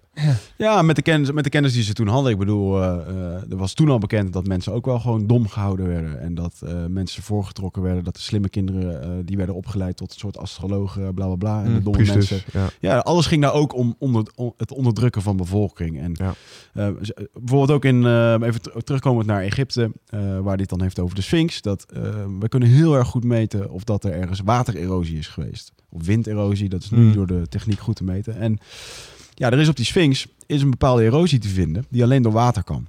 Ehm, alleen eh, als wij nu onze geschiedenisboeken nakijken, dan kijken we naar die piramides. En dan eh, hebben we daar een bepaalde datum voor bedacht. En ons wordt geleerd van toen kwamen de, de Egyptenaren, die hebben dat eh, daar neergezet en gebouwd. Oh, we weten niet hoe het werkt. Maar als we kijken naar die watererosie, dan heeft er gewoon een paar honderd jaar geen regen. ge- is er niet geweest in die tijd. En er is ook niks van gedocumenteerd. Hmm. Maar als je kijkt een paar honderd jaar, jaar daarvoor, is juist wel heel veel regen geweest. Dus wat zijn theorie zou zijn, is dat een hele hoop van dat soort piramides, er is absoluut een hoop bijgebouwd, maar dat een hele hoop van dat soort piramides eigenlijk ja, eh, daar al stonden. En dat de Egyptenaren op een gegeven moment daar zijn gekomen ehm, en daarin zijn getrokken en daar een hele eh, beschaving omheen hebben gebouwd. Dus, ja, super interessant jongens. Als je dat een keertje wil lezen, moet je Fingerprints of the Gods moet je eens een keertje is- eh, lezen. Het is een zware pul. Ehm, ik adviseer je om vier weken op vakantie te gaan om door te lezen. Het is echt een dik boek. Eh, maar hij heeft een hele hoop boeken geschreven over eh, ja, eigenlijk de oudheid en wat zijn, eh, wat zijn visie erop is. En het mooie is dat hij ook steeds, hij wordt echt, hij wordt neergesabeld, elke academisch. Hmm. Continu, want het is heel erg moeilijk om ehm, geschiedenis te veranderen in een boekje. Hmm. Omdat, hè, zeker als, als het in honderden boeken gedrukt is. En ehm, ehm, ja, het mooie is dat ik het vorige keer het ook al aangehaald. Dat eh, toen ik in Mexico was, toen legde ik een van zijn theorieën eh, neer bij een van de gidsen toen we bij zo'n eh, zo'n Maya-tempel waren. Die vijf minuten daarvoor een heel verhaal stond te vertellen over wat er allemaal was gebeurd. En vervolgens toen zei ik dat tegen hem en hij, hij begon te lachen. Hij gaf me gewoon gelijk. Hij zei ja, hij zegt, ik ben het eens met jouw theorie. En ja, het zit inderdaad zo. Zegt maar, ik, ja, ik kan hier niet voor het publiek zomaar anders gaan. Is kwijt. ja. en dan verlies ik mijn baan bij wijze van spreken. Ja. Dus, eh, maar het is een, eh, eh, wat hij ook deed met die kaarten, verschillende kaarten gevonden. En dan zie je dus ook dat bepaalde bevolkingsgroepen, die brachten een gebied in kaart. En dat, dat schreven ze dan op een dieruit of op een stuk papier. En Mm. als je dan kijkt naar diezelfde kaart, een paar honderd jaar later, dan zie je in één keer dat er in één keer heel veel eh, water bij was gekomen. Dat een deel helemaal weggevaagd was en dat bepaalde dingen helemaal niet beschreven waren. Mhm. Dus zijn ideeën, is ook de- ja, door zonvloed en dat soort dingen, zijn gewoon een complete beschaving. Een beschaving is zo weg. Ik bedoel, als hier een meteoriet inslaat, Yep. dan, Zijn we eh, weg, ja. ja. dan zijn we weg. En dan eh, over duizend jaar is er niks meer van ons terug te vinden. Op het internet kun je foto's vinden van Chernobyl, zoals het er nu bij staat. En Oké. eh, daar zit niet heel veel tijd tussen nu en dat ongeluk, zeg Ja. maar. Hè? Zeker niet historisch gezien. En je ziet daar al dat moeder natuur het gewoon weer aan het winnen is. En Ja. dat het niet heel lang duurt voordat dat weg is. Die gebouwen die storten in uiteindelijk. En dat soort dingen. Dus stel, er zou inderdaad een meteoriet inslaan. En je hebt die een of andere massive tidal wave. En beschaving moet eh, een stukje verderop gaan wonen. Omdat de zeespiegel eh, een stuk omhoog is gekomen. Ja, het duurt niet heel lang voordat het allemaal gewoon weer terug is. Dat is Mm. binnen een paar honderd jaar is dat geregeld. Mm. Waarschijnlijk. Nou, het, het coole, want het laatste wat ik daar aan toevoegen, het coole is dat ze op een gegeven moment ook die kaarten, die hebben ze nu, eh, die hebben we nu. En hoop, het is wel echt, eh, eh, daar baal ik persoonlijk heel erg van, dat eh, de bibliotheek van Constantinopel, die is destijds helemaal geroofd en uitgebrand. En daar werd alles in verzameld wat gevonden werd. We waren al echt goed aan het documenteren.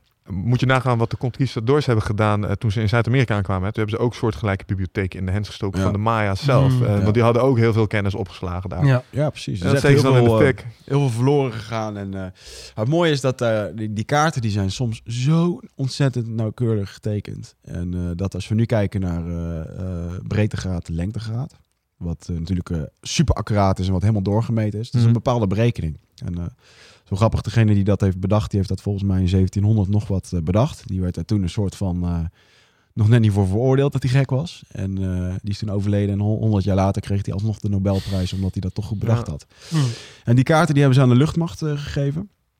Volgens mij een kaart uit eh, 1300 of zo. En luchtmacht heeft daar eigenlijk een zegje over gedaan. Want die maken luchtfoto's over dingen. En die hebben gewoon gezegd, dit is zo ontzettend accuraat. Mm. Dat dit, dit konden wij pas een paar jaar geleden. En ja, dan is het bijna onmogelijk dat, dat het toeval is geweest dat er een of andere, eh, ja, iemand die dat destijds tekende op een dierenhuid, zo nauwkeurig heeft Ja, maar doen. ze wisten wel meer dingen waarvan je moet afvragen. Hoe kan een oude beschaving in godsnaam die kennis hebben? Zo weet ik bijvoorbeeld dat ze... ehm, ze waren in staat om de afstand van de aarde tot de zon te berekenen. Maar konden dan ook, eh, ik geloof dat je dat triangulatie noemt. Kun je dus de afstand tussen Venus... En ze hadden in de gaten dat bepaalde sterren eh, sneller bewogen dan andere. Wat wij planeten noemen. Dat Ja. waren speciale sterren. En ze hadden dus ook wel in de gaten dat er iets van een zon was en en een maan. En zij konden dus eh, berekenen hoe groot die afstand tussen onze zon en op basis van omloopsnelheden en dat soort dingen. Als zou je mij tien jaar op de hei zetten met zoveel papier als ik nodig had, dat krijg ik er niet uit. Dat Nee. ga ik er niet uit kunnen afleiden. Nee. Dus dat vind ik dan alweer fascinerend hoe die mensen, want vaak denken we ja, nee, dat was vroeger, dus die wisten helemaal niet veel. Die mensen die waren echt fucking slim Ja, en die hadden ook echt wel kennis over de wereld waar ze in verbleven. ja. Voor de Maya's was het gewoon hun, hun religie. En het is wel grappig om te kijken als je kijkt naar hoe dat al die, ehm, eh, al die, die communities als het ware hun eigen dingen hadden. Voor, de, eh, voor hun was het astrologie, voor piramides, voor de, voor de Egyptenaren was dat ook al. Maar de Egyptenaren waren ook heel erg bezig met ehm, wat nou eigenlijk gebeurde op het moment als je doodging. Waarom ben je hier? Ja. Mhm. En eh, daar gaat eigenlijk heel de Egyptische cultuur. Afterlife. Afterlife inderdaad. Ja.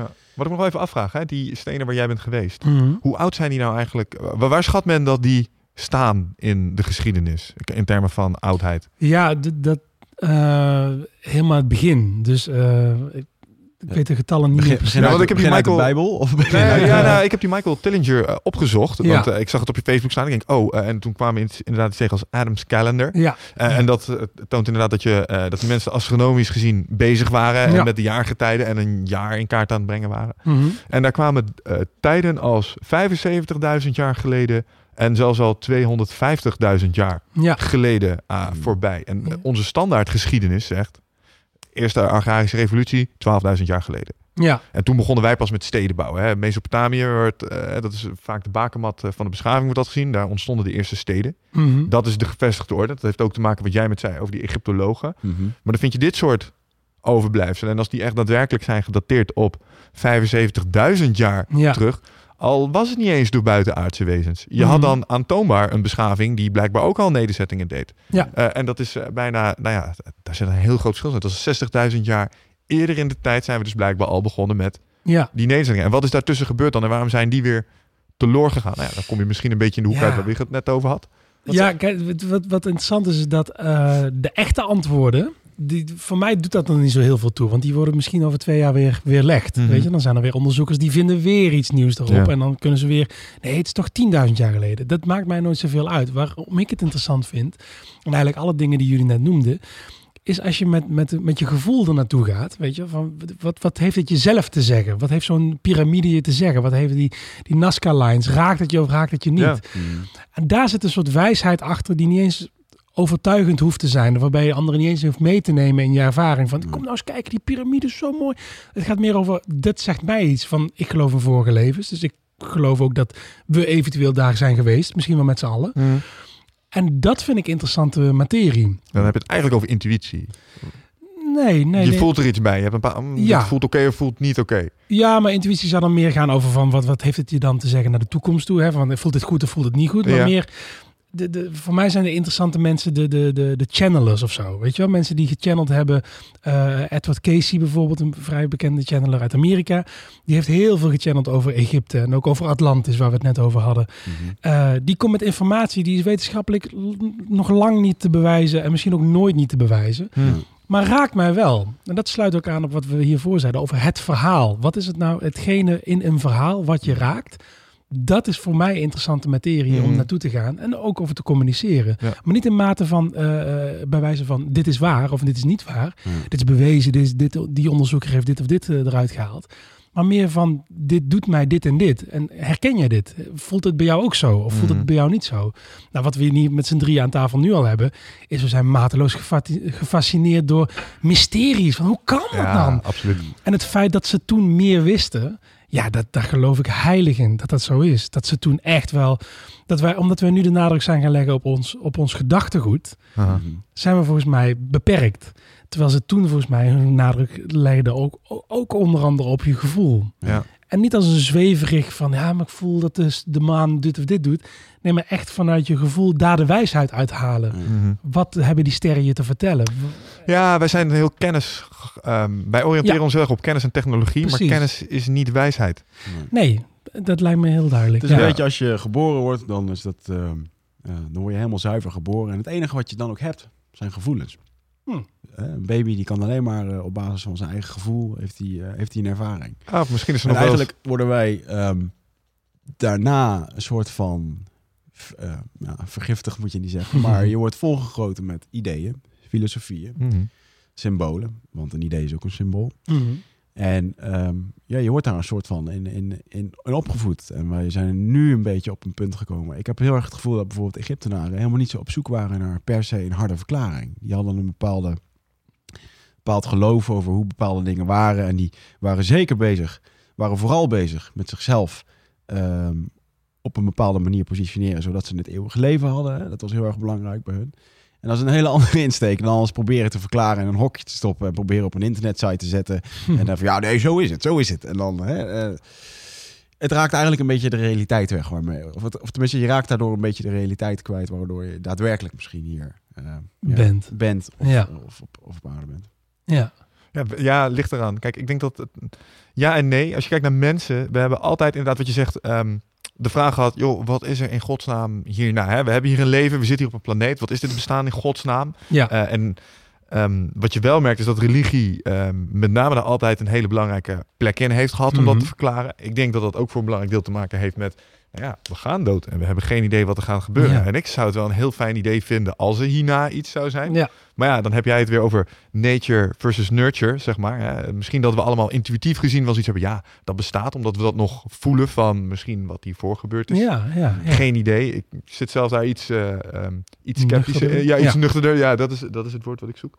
Maar naarmate we meer leren over de aarde, het universum, komen er wel achter dat voor sommige dingen, om die uit te kunnen leggen, hebben we steeds minder Hmm. God nodig en Ja. religie. Hè? Want voorheen was het best wel eng dat je soms iets als een eclips had. Wat is dit? De goden zijn boos op ons. Eh, nou, nee, eigenlijk zit het als volgt. Ehm, de maan komt tussen de zon en wat je ziet is de schaduw van de aarde. En weet je, dat zorgt ervoor dat we daar geen bovennatuurlijke verklaringen meer aan hoeven te geven. En dat is wat er op dit moment, eh, hè, nu wij leven hoogtij vier, dat gedachtegoed. Mm. En ehm, die andere stroming, die worden soms een beetje ja, in het verdomhoekje gezet, want daar kleeft wel een klein beetje een stigma aan. Mm. Maar ik vind het wel grappig wat je zegt, want ik had verteld het laatst aan Wiggert, dat ik een, eh, kwam ik op internet kwam ik een post tegen.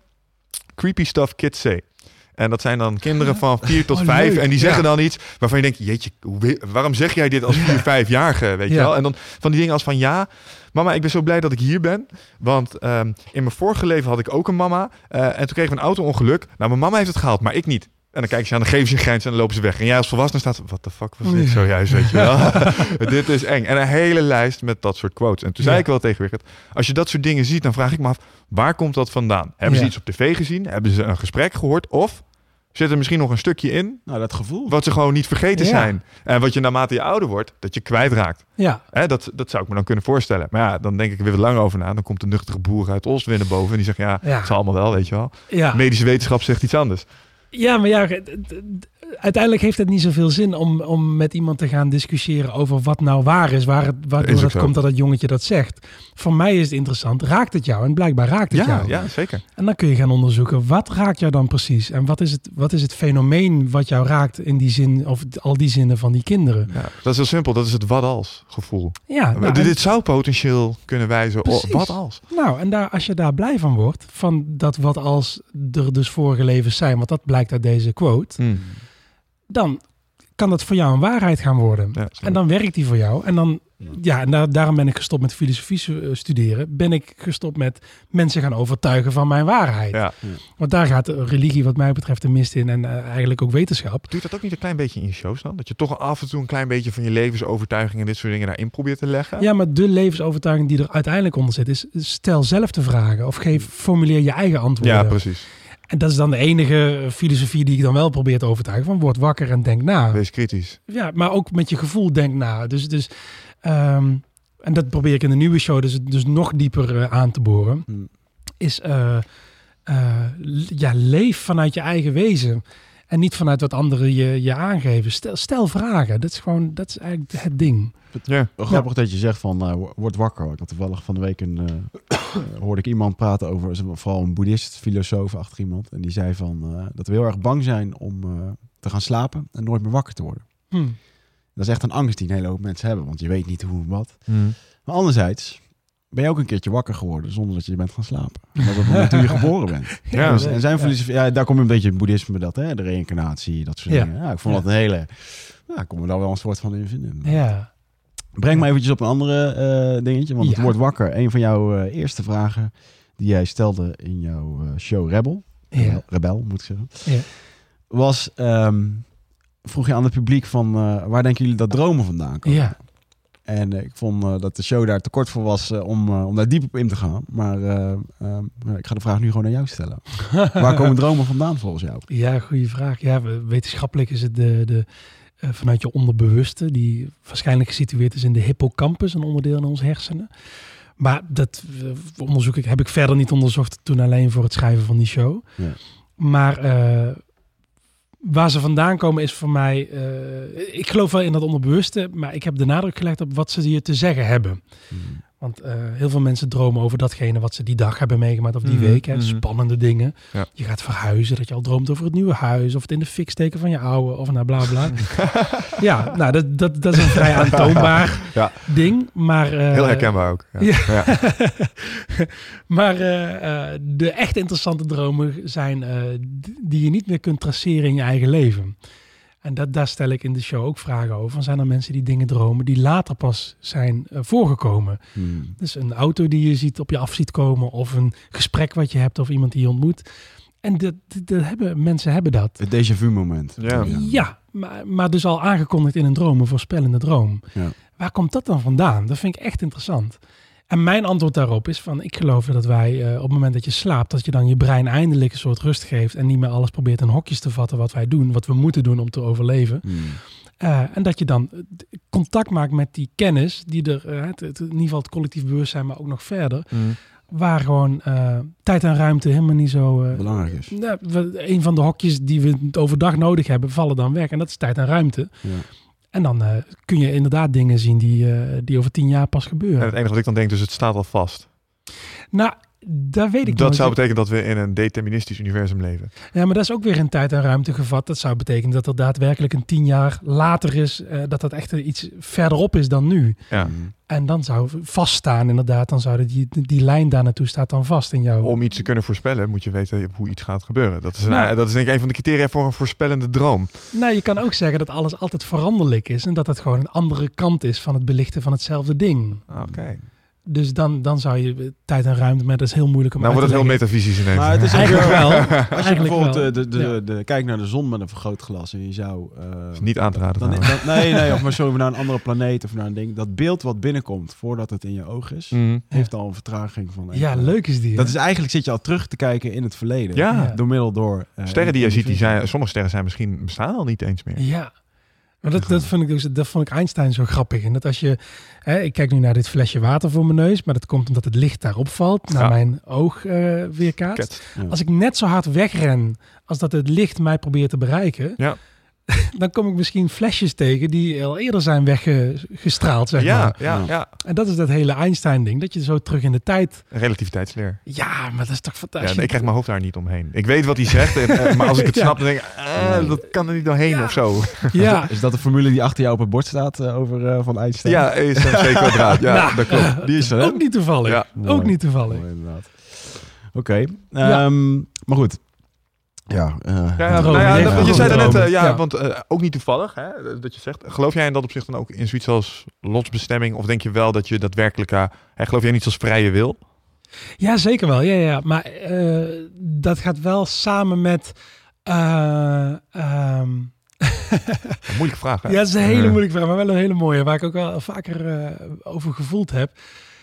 Ik geloof in vrije wil, maar ik geloof ook in lotsbestemming. Dus ik geloof wel dat, dat, er, eh, dat je dit leven gekozen hebt. Dus ik geloof in zielen. Ik geloof Mhm. dat zielen naar de aarde komen om, om dit leven te leven, om dingen te ervaren. Maar wanneer je dat ervaart en hoe je dat ervaart, dat kun je zelf kiezen. Ja. Maar dat je het ervaart, is, is jouw oorspronkelijke intentie als ziel. De, de innerlijke nerd in mij ziet het dan meteen als een computerspelletje. Dus Ja. voordat je dit leven ingaat, denk je van... oké, deze keer ga ik het doen als een boeddhistische monnik. Ja. Of ik word deze keer een kickboxer. Eens Ja. kijken wat dat me brengt. Wat Ja. voor levenslessen ik daaruit kan leren. Absoluut, ja. Ja. echt. Maar dat zou goed en kwaad dan in die filosofie ook elimineren. Absoluut. Ja, ik geloof ook niet in goed en kwaad. Oké. Nee, ja, dat vind ik zo'n... eh, Maar denk je niet dat eh, vrije wil, zo zie ik het, dat, Mm. eh, want als we allemaal eh, bloemetjes en bijtjes waren, dan deden we allemaal een standaard dingetje en werd er eigenlijk niet zo heel veel. eh, eh, was, het niet zo, was het niet zo'n bewogen wereld als dat het nu is? Onze vrije wil, zoals wij die hebben, en zover als dat wij kunnen denken, anders dan andere dieren, Hm. die zorgt ervoor dat deze wereld eh, goed, en, goed en slecht kent. Hè? Of goed en kwaad kent, bij Mhm. Maar dat is ook nodig. Dus het lijkt een beetje alsof wij eh, een soort van extra spelregel in het, ja, op deze planeet hebben gekregen. Zo van, hé hey jongens, eh, dit is jullie ding. Jullie hebben je vrije wil. En eh, eh, dit is de test. Hier moeten jullie mee doen, zeg maar. ja. Zo zou ik het wel een beetje zien. En ik denk ook wel, uiteindelijk, je krijgt eens de levensvraag. Maar waarom zijn we hier? Ja, om er gewoon met z'n allen het beste van te maken. Weet je? En Dat, heel kort gezegd. En, ik- en elke beschaving heeft zich daarop gericht. Over hoe kan je de beste persoon zijn? Of je nou in de Bijbel gelooft. Of dat je een Egyptenaar was. Of dat je met een speer door een oerwoud heen liep. Hm. Ehm, en ik denk dat dat... dat is toch, als dat iedereen gewoon, als iedereen gewoon volgens die basis zou leven, dan is het toch een stuk makkelijker. Weet je? En wij lopen het allemaal wat over te escaleren, bij wijze van Ja. spreken. Ja, maar de, de, de daadwerkelijke realiteit is heel anders. Hè, je, je verkeert natuurlijk in een soort morbid reality, waarbij mensen Ja. hè, goed en kwaad. Ja, het is leuk, het is makkelijk zeggen hier in Nederland. Hè, terwijl we nog nooit eh, hebben hoeven jagen voor ons eten, of dat we echt gevaar van oorlog hebben gekend. Hmm. Uh, maar vroeger gingen dingen wel anders. En ik denk dat als jij ehm, nu in oorlogsgebieden leeft, waar echt de meest verschrikkelijke dingen gebeuren, en je zou deze vraag stellen, Mhm. uh, dan zou je daar een volledig Ja. antwoord op hebben. Ja. En als je over de geschiedenis van de mensheid heen kijkt, eh, dan ben ik bang dat we het met name uitblinken in één ding. En dat is elkaar kapot maken. Daar zijn Ja. we echt het aller, allerbeste in. Maar wat jij nu beschrijft over vraag dat is een ander land. Het feit dat wij dat kunnen beschrijven, kunnen bedenken en dat we daar bewust van zijn, Mhm. zorgt ervoor dat wij daar eh, anders mee omgaan. Oh, ik wil ook niet zeggen En- dat je het niet moet nastreven om het te ontstijgen. Eh, dat is hartstikke nobel. En ik denk dat dat ook een goed is. En ik denk dat ook, eh, dat klopt wat je zegt, ehm, dat de kern van de meeste religies is Ja. een invulling geven aan hoe je niet kwaad bent. Hè? Hoe je in het leven goede en slechte keuzes krijgt. En dat je moet Ja. kiezen voor het, het goede, het licht, zeg maar. Hè? Dat is in Mhm. elke geloof is dat een standaard ding. Ja, Ja. Kijk, 500 jaar geleden eh, zijn er heel veel mensen die nog met pek en veren door het dorp gejaagd werden. Of Ja. heksen die verbrand werden. En elke heks die verbrand wordt, heeft bijgedragen aan het collectief wat we nu hebben. En je kan niet verwachten dat we 500 jaar verder ehm, eh, nu in één keer heel eh, pragmatisch kunnen kijken naar een ander land waar men nog steeds handen afhakt en eigenlijk precies dezelfde stap Nee, doet. dat van jongens, het moet nu sneller. Ja, technologie en alles kan daarbij maar wat is- helpen. Maar dat kan goed nog een paar honderd jaar nodig Wat is het geheim daarbij, denk je dan? Wat denk je dat dat gaat veroorzaken? Want ik denk dat ik het wel weet. Oh, wat, wat precies? Wat zorgt ervoor dat je uiteindelijk als beschaving... Waarom zijn wij nu als christenen... staan we niet meer aan de poorten in Jeruzalem te kloppen... om te komen vertellen dat onze Heer de juiste Heer is... en Omdat- dat we die hele stad komen uitmoorden? Omdat- Waarom doen we dat niet meer? Nou, ik denk een van de redenen eh, is in ieder geval dat we zelfvoorzienend zijn. We hebben, geen, eh, eh, we hebben niet meer die, die, die, die drang nodig om, eh, om te overwinnen en dingen te veroveren. En dat de Denk wereld van ons is. Ja, dat denk ik. Ik denk dat, ja, ja, ik denk dat wij, en waarom hebben we dat niet meer nodig, denk je? Omdat waarom hoeven we dat nou, niet meer nou, nou, nogmaals, omdat we zelfvoorzienend zijn. Ja, zo, ja hoezo, hoe doe je zelfvoorzienend? We Nou, kunnen ik, onze... ik, ik, ik, ik, ik wil dan een beetje terugschalen naar een van eh, de periode na de ijstijd. Toen was het eh, gemiddeld eh 4 graden warmer op deze aarde. Hm. En eh, dat noemen ze de. eh, ik kom even niet op de Nederlandse tijd, maar volgens mij de, de, de go- go- godentijd. Time, eh, iets van de een of andere. Het is een benaming voor in ieder geval. Eh, era of the gods of zo. Hm. Vier, vier graden warmer, warmer, gemiddeld wereldwijd. betekent dat alles, alles stond in bloei. Er was een. Na een ijstijd, hè? dus alles was overal. Nee, genoeg eh, voorraad Era of. Eden bedoel jij volgens mij. Zou Zoiets was het. Dat heb je me laatst verteld. En toen zei je zoiets. En dat betekent eigenlijk dat heel de wereld in bloei stond. Overal was genoeg eten, dingen. En er zijn dus eh, heel veel eh, eh, schrift gevonden waarin gewoon geen enkele aanwijzing is dat er eh, onderdrukking was, dat er oorlog was, dat er. Want iedereen Juist. had gewoon genoeg shit. En dat is het. Het is, het is geen zelf, het is overvloed. Waarom hebben wij geen zin om het te maken? Nou, omdat we alles hebben. Ik heb mijn appartement, ik heb stromend water, ik heb een internetverbinding en ik heb eten in mijn koelkast. Waarom zou ik in godsnaam ergens in een ander land trammeland willen gaan schoppen? Snap je? En Ja. ehm, ik denk dat dat een groot probleem is in de landen waar nu nog eh, dat soort ja, iets wat achterhalige gedachtegoeden hoogtij vieren. Heeft ook alles te maken met het niveau van welvaart in die landen. Ja. Want als de gemiddelde burger het beter heeft en meer informatie tot zijn beschikking heeft, gaat hij zich heel anders gedragen. Maar ik heb andere stand-up comedians wel eens het grapje horen maken. Als jij hele dagen in een jurk loopt met zand in je reet, dan word je zagrijnig. en dan ga je ook zo gedragen. En ik snap dat wel. Dat klikt ergens wel bij mij. Want ik kan me elke dag... eh, ik, ja, wij hebben het hier goed voor elkaar. Hmm. En dat geeft mij niet de behoefte om nog... eh, zoals we vroeger onze VOC-mentaliteit hadden... zeg maar om echt land in te gaan nemen. Want hè, toen ook nog moest Nederland wel knokken voor zijn welvaart. Niet iedereen had zoveel geld en inkomen als hier. Ja. Je leeft hier echt in de bovenste 2%. En ik denk dat we ons dat soms onvoldoende realiseren. Maar ik vraag me wel eens af, als je nou vandaag stroom uitdoet en het stromend water afsluit, wat gebeurt er dan over een week? Gaan we dan nog steeds zo met elkaar om? Wat denk jij? Nee, zeker weten van niet. Nee. Toch?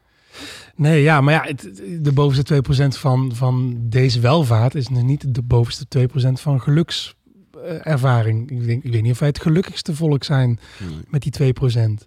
Misschien dat die eh, gast in de jurk en de zand in zijn reet gelukkiger is dan wij. Denk je?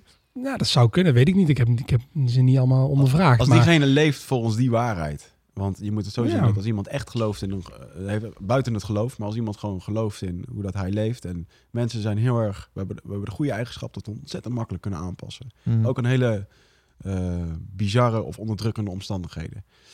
En ik denk als je kijkt naar een, eh, inderdaad misschien, ja, als je niet anders, als je niet beters weet, weet je, je weet gewoon niet beter. Vertel Mhm. die mensen maar dat het anders moet. Ja, dat gaat er niet zomaar in. Nou, met de kern van de zaak zit, als het gaat over of je blij bent met waar je in leeft. Kijk, voor Mhm. jij, jij noemt een heel leuk rijtje waar, waar internetverbinding ook in zit, wat heel grappig is.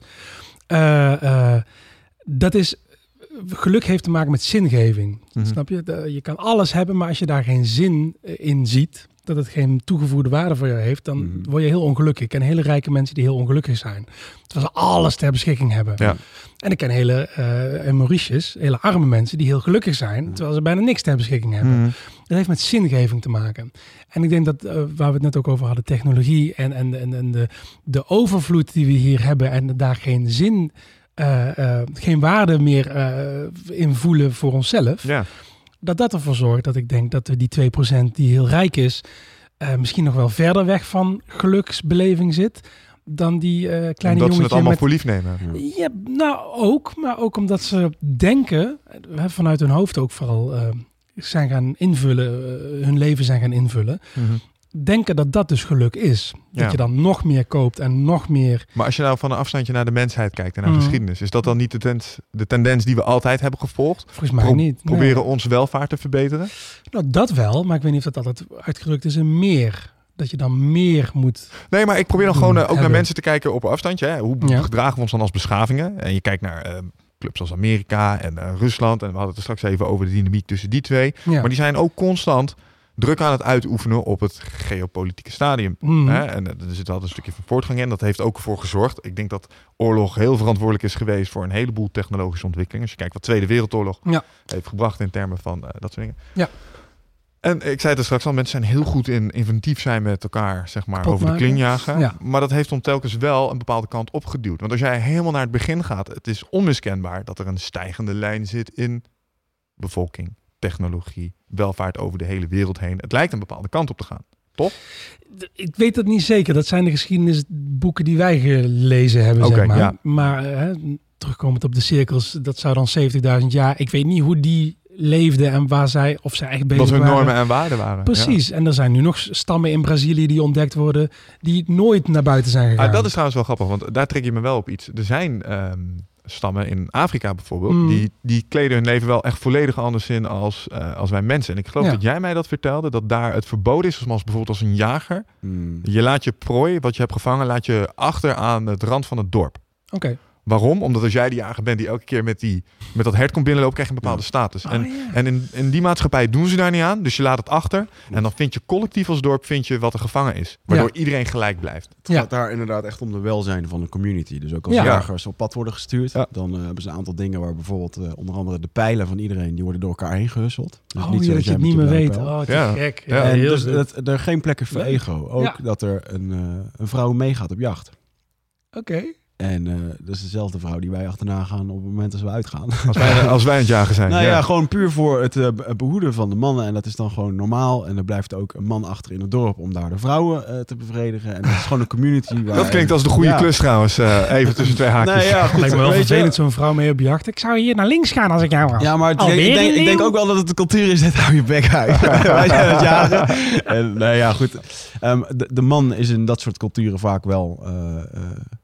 ondanks dat ze daar een goede mix in hebben gevonden die voor hun werkt... eh, vaak nog wel superieur. Hmm. Vaak vanwege het fysieke natuurlijk. Hmm.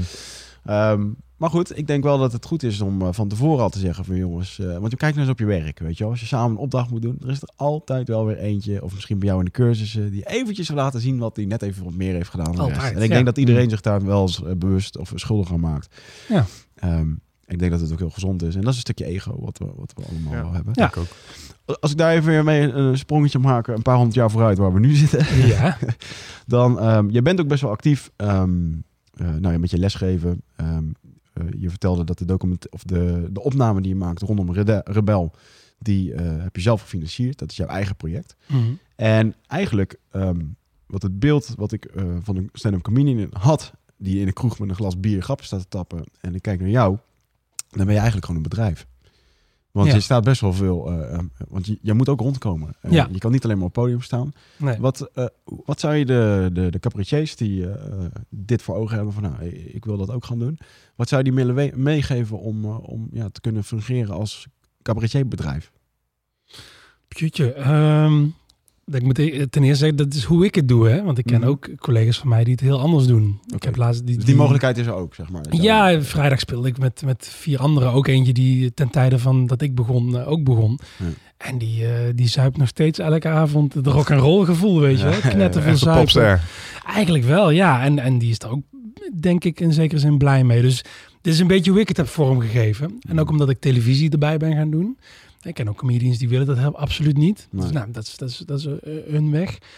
Eh, omdat ik televisie erbij ben gaan doen, is er ook wat meer nadruk komen liggen op mij als, mij als persoon. Dus niet alleen op mijn materiaal, maar ook hoe ik mezelf eh, presenteer. Dus ik heb zo mijn eigen weg gevonden. En ik vind het heel belangrijk dat ik, dat ik de dingen kan blijven maken op mijn eigen manier. Dus ik ben er veel geld bij gaan verdienen met lesgeven. Maar dat is ook een passie van me. Ja.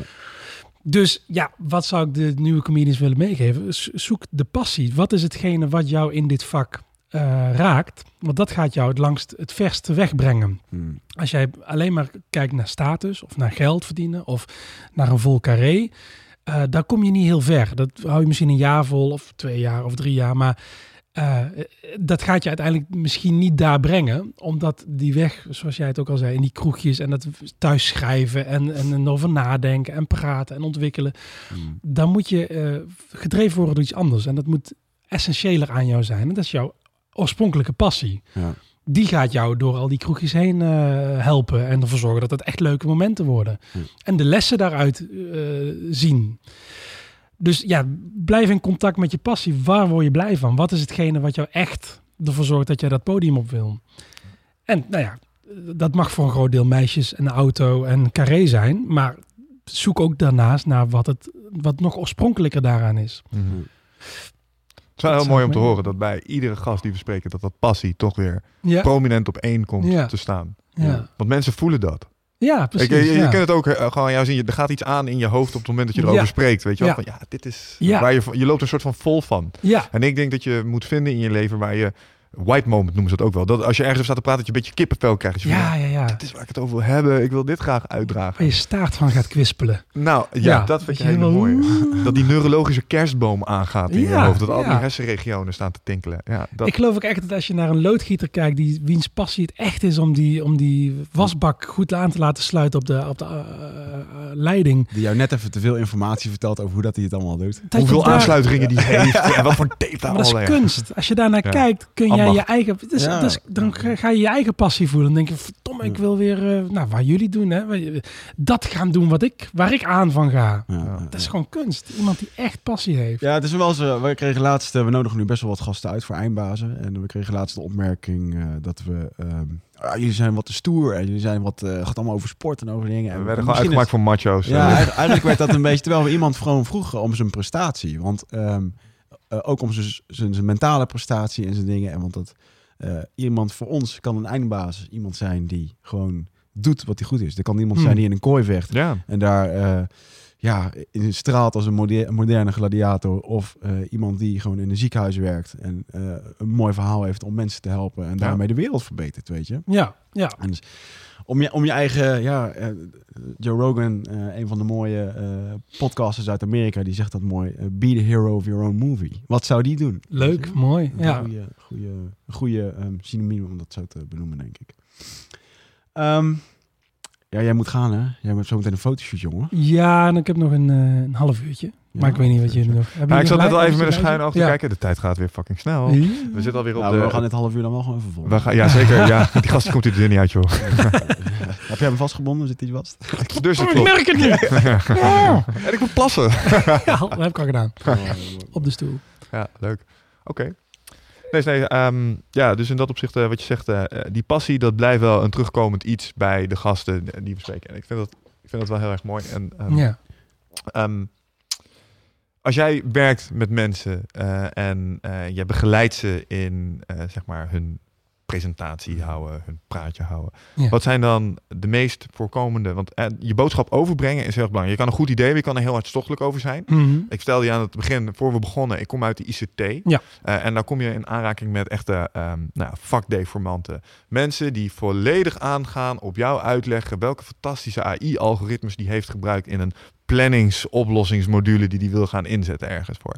En wat je dan vaak merkt is dat die mensen een beetje aanlopen tegen hun verpakking.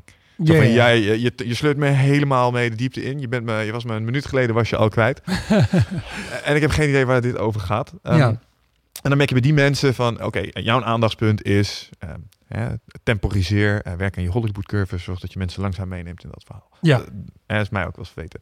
Wat zijn veel voorkomende dingen die je ziet bij mensen die hun verhaal proberen over te brengen en misschien wel een stukje te enthousiast zijn of Mm. te weinig passie erin? Waar ga je dan aan sleutelen met die mensen? Contact. Dat, dat, is, dat is alles. Ehm, in eerste instantie contact met je passie. Nou, dat zit bij die jongens wel goed, hè? Want die Mhm. zijn helemaal opgegaan in hun, eh, in hun ding.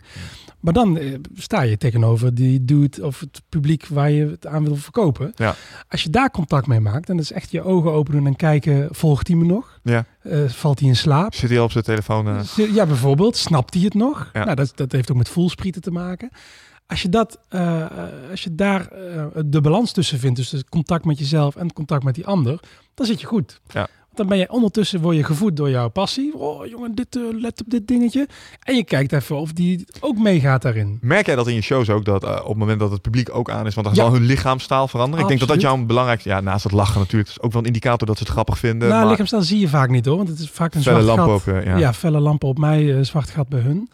Dus het, dat is voelen. Dat is voelen. Ik kan wel voelen inmiddels, omdat ik het heel vaak gedaan heb, waar zij zitten met z'n allen. Of ze er nog bij zijn of niet. Want ik heb ook nu veel stiltes in mijn voorstelling, geplande, niet eh, jammer genoeg.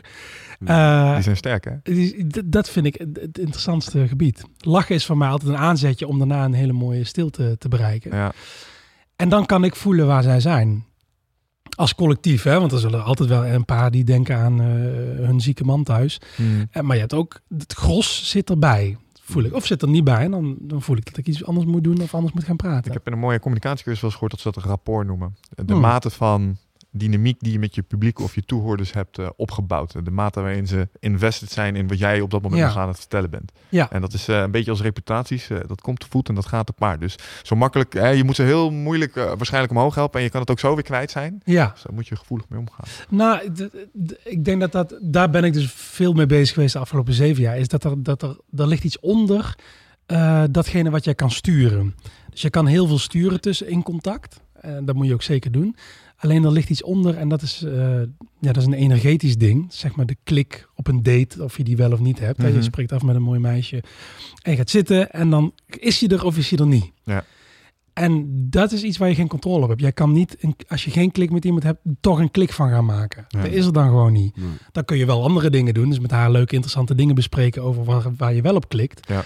Maar deep down kun je dat niet. En eh, daar, daar ben ik mee bezig om zelf daar bewuster van te worden. Wat is nou die eigenlijke klik? Waar Mhm. zit hem dat nou in? Eh, en daar probeer ik andere mensen ook altijd bewust van te maken. Heb je daar wel eens, eh, ehm, eh, of tenminste, dat lijkt mij zo, dat op het moment dat jij, je wordt ook als ingehuurd door bedrijven. Ja. Dat betekent dat mensen niet vrijwillig naar jou toe gaan. Ja, verschrikkelijk. Oh ja, dat had ik En dat kan me heel erg voorstellen. Dat als ik, ik koop een kaartje met Le- voor Leon en dan gaan we naar eh, een nieuwe voorstelling. Dan Ja. heb je er zin in. Dan maak er een date van met je mooie meisje die erheen gaat. En, Ja. eh, nou, topavond gehad. Maar Ja. vervolgens eh, eh, als bedrijf ga je op een uitje. Je zit de hele dag al in een programma waar je mee wordt gesleurd. En je moet mee. Hè? Ja, En eh, vervolgens moet jij daar s'avonds optre optreden. Is dat een andere, een andere vibe? een Tuurlijk, andere, ja. Moeilijker ook om daarop aan te ja ik vind het nooit zo leuk. Het, het, het lukt me vaak wel. Eh, tegenwoordig lukt het me eigenlijk altijd omdat ik wel een beetje weet waar zij dan zitten. Dus dan moet je daar grap over maken van, nou, gezellig hè? Ja, voor mij is het ook eh, een moedje. Mhm. Nou, dan heb, je, heb je die spanning heb je al... eh, Ja, dat was wel een goede grap. Die zit al Ja. in het... eh, het, eh, ja, mooi. dan, dan denk, denken ze, hé, hij snapt mij, weet je wel. Hij, voelt waar ik zit. En dan kun je gaan opbouwen. En is het ook niet zo dat je in het bedrijfsleven, met name als je een beetje op het managementniveau binnenkomt, dat je ook, ja, eigenlijk ben je, het is een stukje Tuurlijk. een beetje bezig met ego-management. Want er zitten allemaal ja. baasjes, die vinden niet- zichzelf eh, heel wat. En Ja, dan ben jij de paljas die even grapjes komt vertellen, zeker, weet je wel? precies. Ja, ja. Ja, dit, dit vind ik ook echt moeilijk hoor. Dus het is echt niet van, oh, ik heb de, de methode om met die lui om te gaan. Dat is ook elke keer weer anders. Ja. Maar zodra ze voor de groep staan, dan, dan moeten ze eh, naar hun kwetsbaarheid toe. Anders werkt het niet meer. Ja. Zeker in mijn, eh, de manier waarop ik le- lesgeef, is dat ik ook aangeef van hoe kwetsbaarder je bent, hoe, hoe beter het werkt. Mm. En als je daar een beetje het mannetje gaat lopen uithangen, ja, dat publiek wat er dan zit, dat zijn dan de andere cursisten. Die, ja, die vinden dat ook helemaal niet interessant, weet je. Ik vraag hun ook om te vertellen over iets waar ze van houden. Dat is een van de Mhm. eerste opdrachten. Ja. Ja. Nou, als jij dan eh, als manager heel tof gaat lopen, van, ik hou van mijn Porsche en eh, ja, dan vraag ik aan het publiek, oké, wie is er geraakt? Ja. Ja, niemand. Ja, hij dadelijk met de Ja. koffiekopjes. Terwijl als hij over de geboorte van zijn dochter begint, dan is heel die zaal, eh, de- al die andere cursisten zijn geraakt. Ja, En dan, dan ga je voorbij aan je ego. ja. Mm. Dan, doet het, dan staat het ego eigenlijk alleen maar in de weg. Moet je wel hebben hoor. Ik bedoel, ego vind ik helemaal geen vies woord. Maar je moet hem beteugelen. Je moet weten wat je daar... Voor je laten werken. Ja, precies. Voor iets Hmm. groters. Dus Ja. dat is een toevoeging op het verhaal van eh, be the hero in your own movie. Uiteindelijk is het volgens mij de kunst om dan niet meer de hero te zijn. En eh, andere heroes te laten stralen. Ja. Eh, als je kinderen krijgt het helemaal aan de hand. Dan, dan gaat het volgens mij voor, vooral om hen. Ja. En moet jij wel die belangrijke rol spelen, Mhm. alleen niet meer de hoofdrol. Ja, ik denk dat het, ehm, eh, daar koppel ik dat een beetje terug in het proces waar je in je eigen waar ik nu in mijn eigen leven zit. Van, ehm, ehm, dat op het moment als je eh, anderen wil helpen en je wil de wereld verbeteren, get your own shit together first. That's it. ehm, Ja. eh, op het moment Help jezelf maar. als jij jezelf niet optimaal kan, eh, kan structureren, als je jezelf je niet optimaal kan geven in hetgene wat je, wat je leuk vindt, ja, dan straal je ook niet en dan, eh, dan help je anderen daar ook niet mee. Nee. Dat op het moment dat jij het beste uit jezelf haalt en eh, je hebt je passie, je hebt je ding, waardoor jij straalt, waardoor je mensen mee kan nemen in die, in, in die energie die erbij komt, eh, dan ben jij pas van, van volle waarde voor die andere Precies. personen. Ik vind het zo mooi van, eh, van Gandhi. die had, voordat hij minister of prime minister werd, was daar gewoon een wijze. Of niet gewoon een wijze, maar daar gingen mensen naartoe om, om advies eh, te, te krijgen. En, en een prachtig verhaal van, wat helemaal aansluit op wat jij zegt, is dat hij daar zat in zo'n zo'n soort tempeltje met wat mensen om hem heen. En toen kwam daar een moeder met haar zoontje. En die, die moeder vroeg, eh, Gandhi, zou jij tegen mijn zoontje willen zeggen dat hij minder suiker eet? Want hij eet echt veel te veel suiker. Toen keek Gandhi zo en zei hij, kom over twee weken maar terug. Die moeder een beetje verrast, met haar zoontje weg. En twee weken later kwamen ze terug. En eh, ja, hij eet nog steeds te veel suiker. Zou je willen zeggen tegen hem dat hij minder suiker moet eten? En Gandhi keek dat jongetje aan en zei, je moet minder suiker eten. Nou, moeder blij, dankjewel, met zoontje, weg. En die mensen eromheen zeiden, maar had je twee weken geleden toch ook kunnen zeggen? Zei Gandhi, nee, want toen at ik zelf nog te veel suiker. Ah, Ah. Dus je moet het wel echt ademen wat je... Anders kun je dat niet overbrengen. Ja. Dat, de power zit hem in dat jij dat zelf bent. Dat doet me denken aan eh, Musashi, de bekende zwaardvechter. Mhm. Oh ja, fantastisch. een mooi boek geschreven over eh wat een zwaardvechter. De ringen. De samurai die ehm, ja, eigenlijk gewoon de badass samurai was die er ooit geleefd heeft. En, Ja. eh, die gewoon eh, door het land ging om mensen uit te dagen en in zwaardgevechten dat... ja, Op leven en dood. gekregen. Op leven en dood. Ja, Super hoor. bruut. En ik kan me, ik kan me, ik bedoel, eh, weet je, ik heb in een, eh, in een ring gestaan, ik heb op mijn mat gestaan, maar ik kan me niet voorstellen om straks mijn zwaard te trekken tegenover iemand.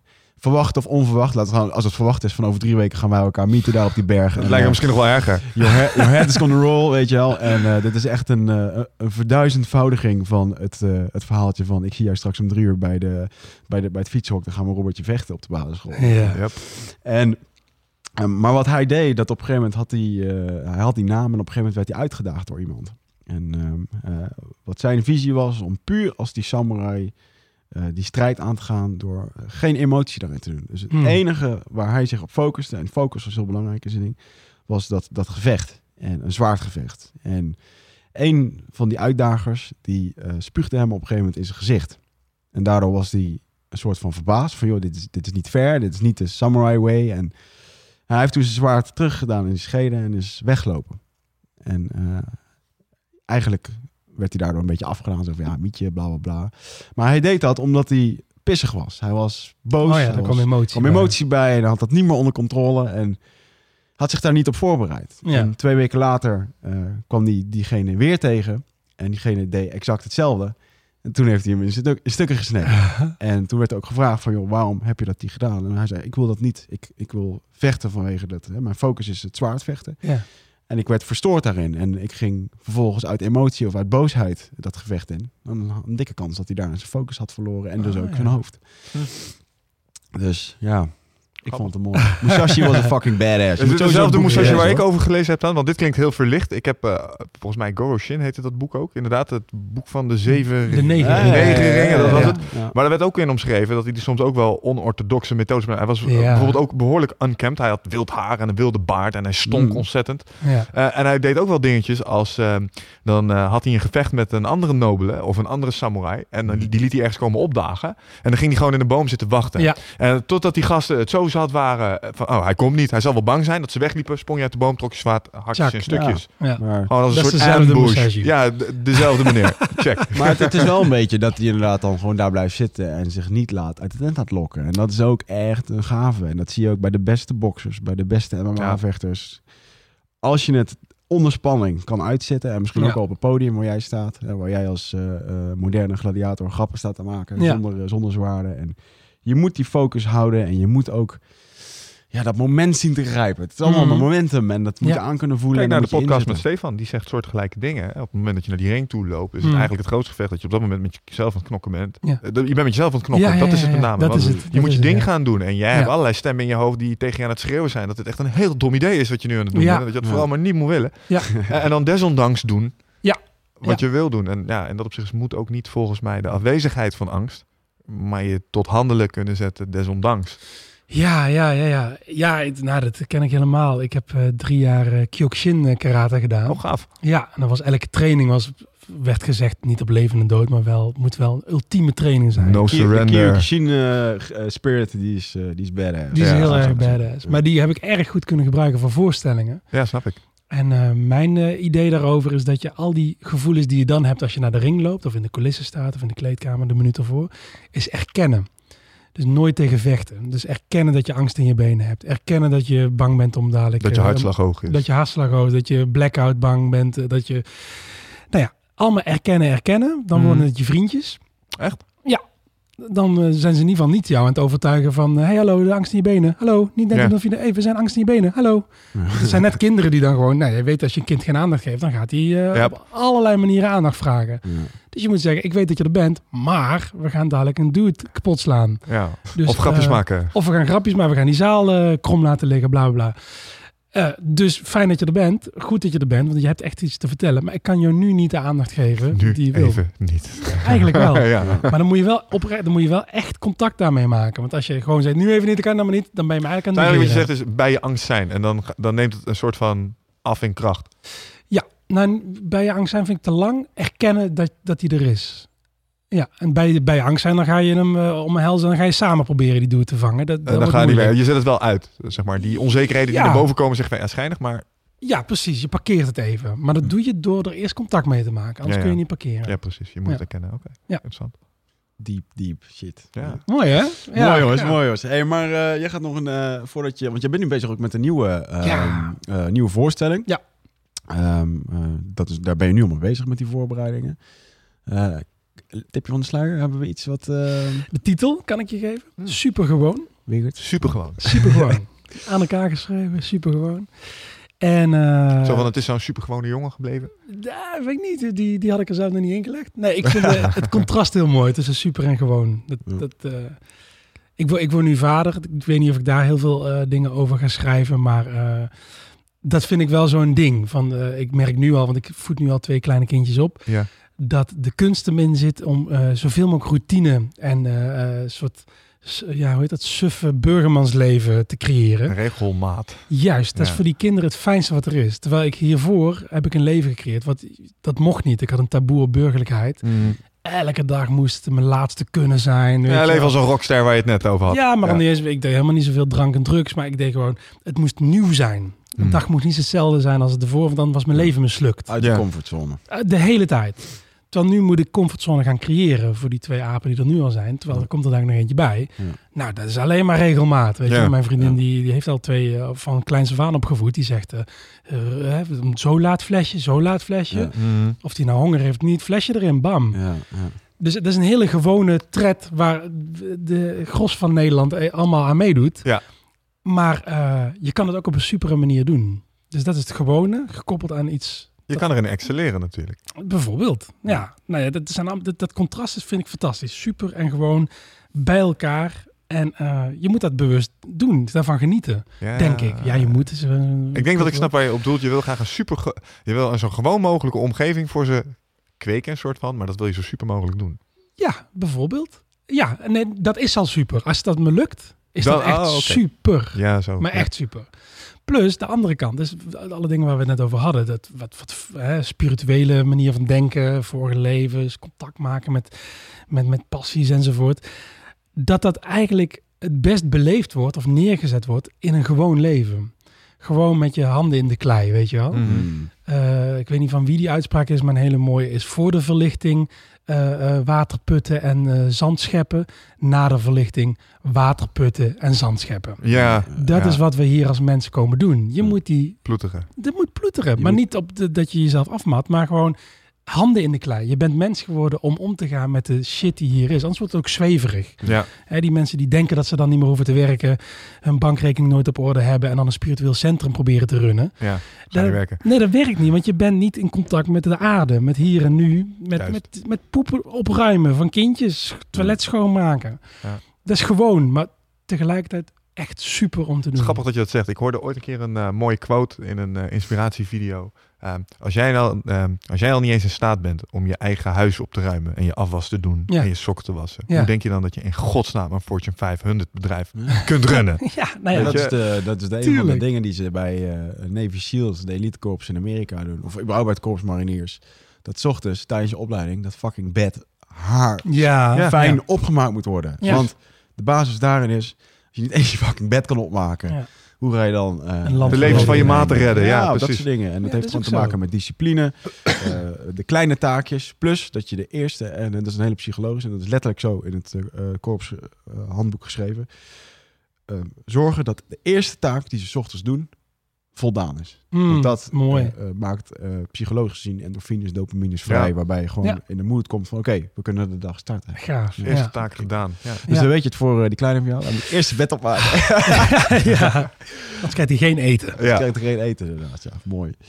Oké man. Ehm, ja, ik vond het weer een... eh, het was een hele andere soort podcast. Ja, ik vond hem echt Weer, leuk. eh, we hebben Cool, een mooie ook. diepe gesprek gehad. En eh, Ja, voor mij ben je echt een moderne samurai op het podium. eh, zonder zwaard. Oes. Ehm, Oes. maar eh, Oes. ehm, ik wens je in ieder geval heel veel succes met je, met je nieuwe ehm, je voorstellingen en alle dingen die je nog gaat doen. Ehm, Ik denk dat je eerst eventjes het, eh, het mooie avontuur eh, samen met je prachtige vrouw eh, moet, eh, moet aangaan voor het nieuwe kind. Ja. En ik denk dat je daar ook, eh, nou goed, je loopt er altijd over te stralen. als je Wanneer is ze? Eh, 31 maart officieel. Oké, dan pakken we in april nog een keer en dan zit hij echt gebroken. Maar alsjeblieft, mag ik hier blijven slapen?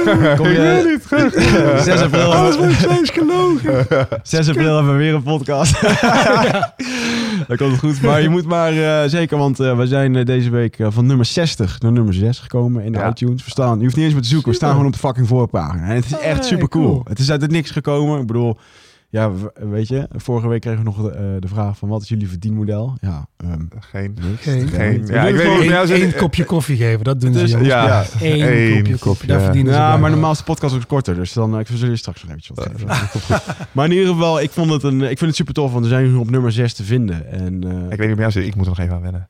Eh, nee, het bent heel snel. Heel Ja, snel. jawel, Ja, hè. ja, ja. Dus eh, we krijgen fanmail, dat is ook wel tof. Dat mensen gewoon mailen Ja. van, joh, dit is goed. Of zou je die een keer willen uitnodigen? Onlangs hadden we dat ook gevraagd op Facebook. Er kwam echt een waslijst. En eh, ja, voor degene die hebben gevraagd, ja zeker. André Kuipers, de astronaut, staat bij ons op nummer 1. Ja, André, bij deze.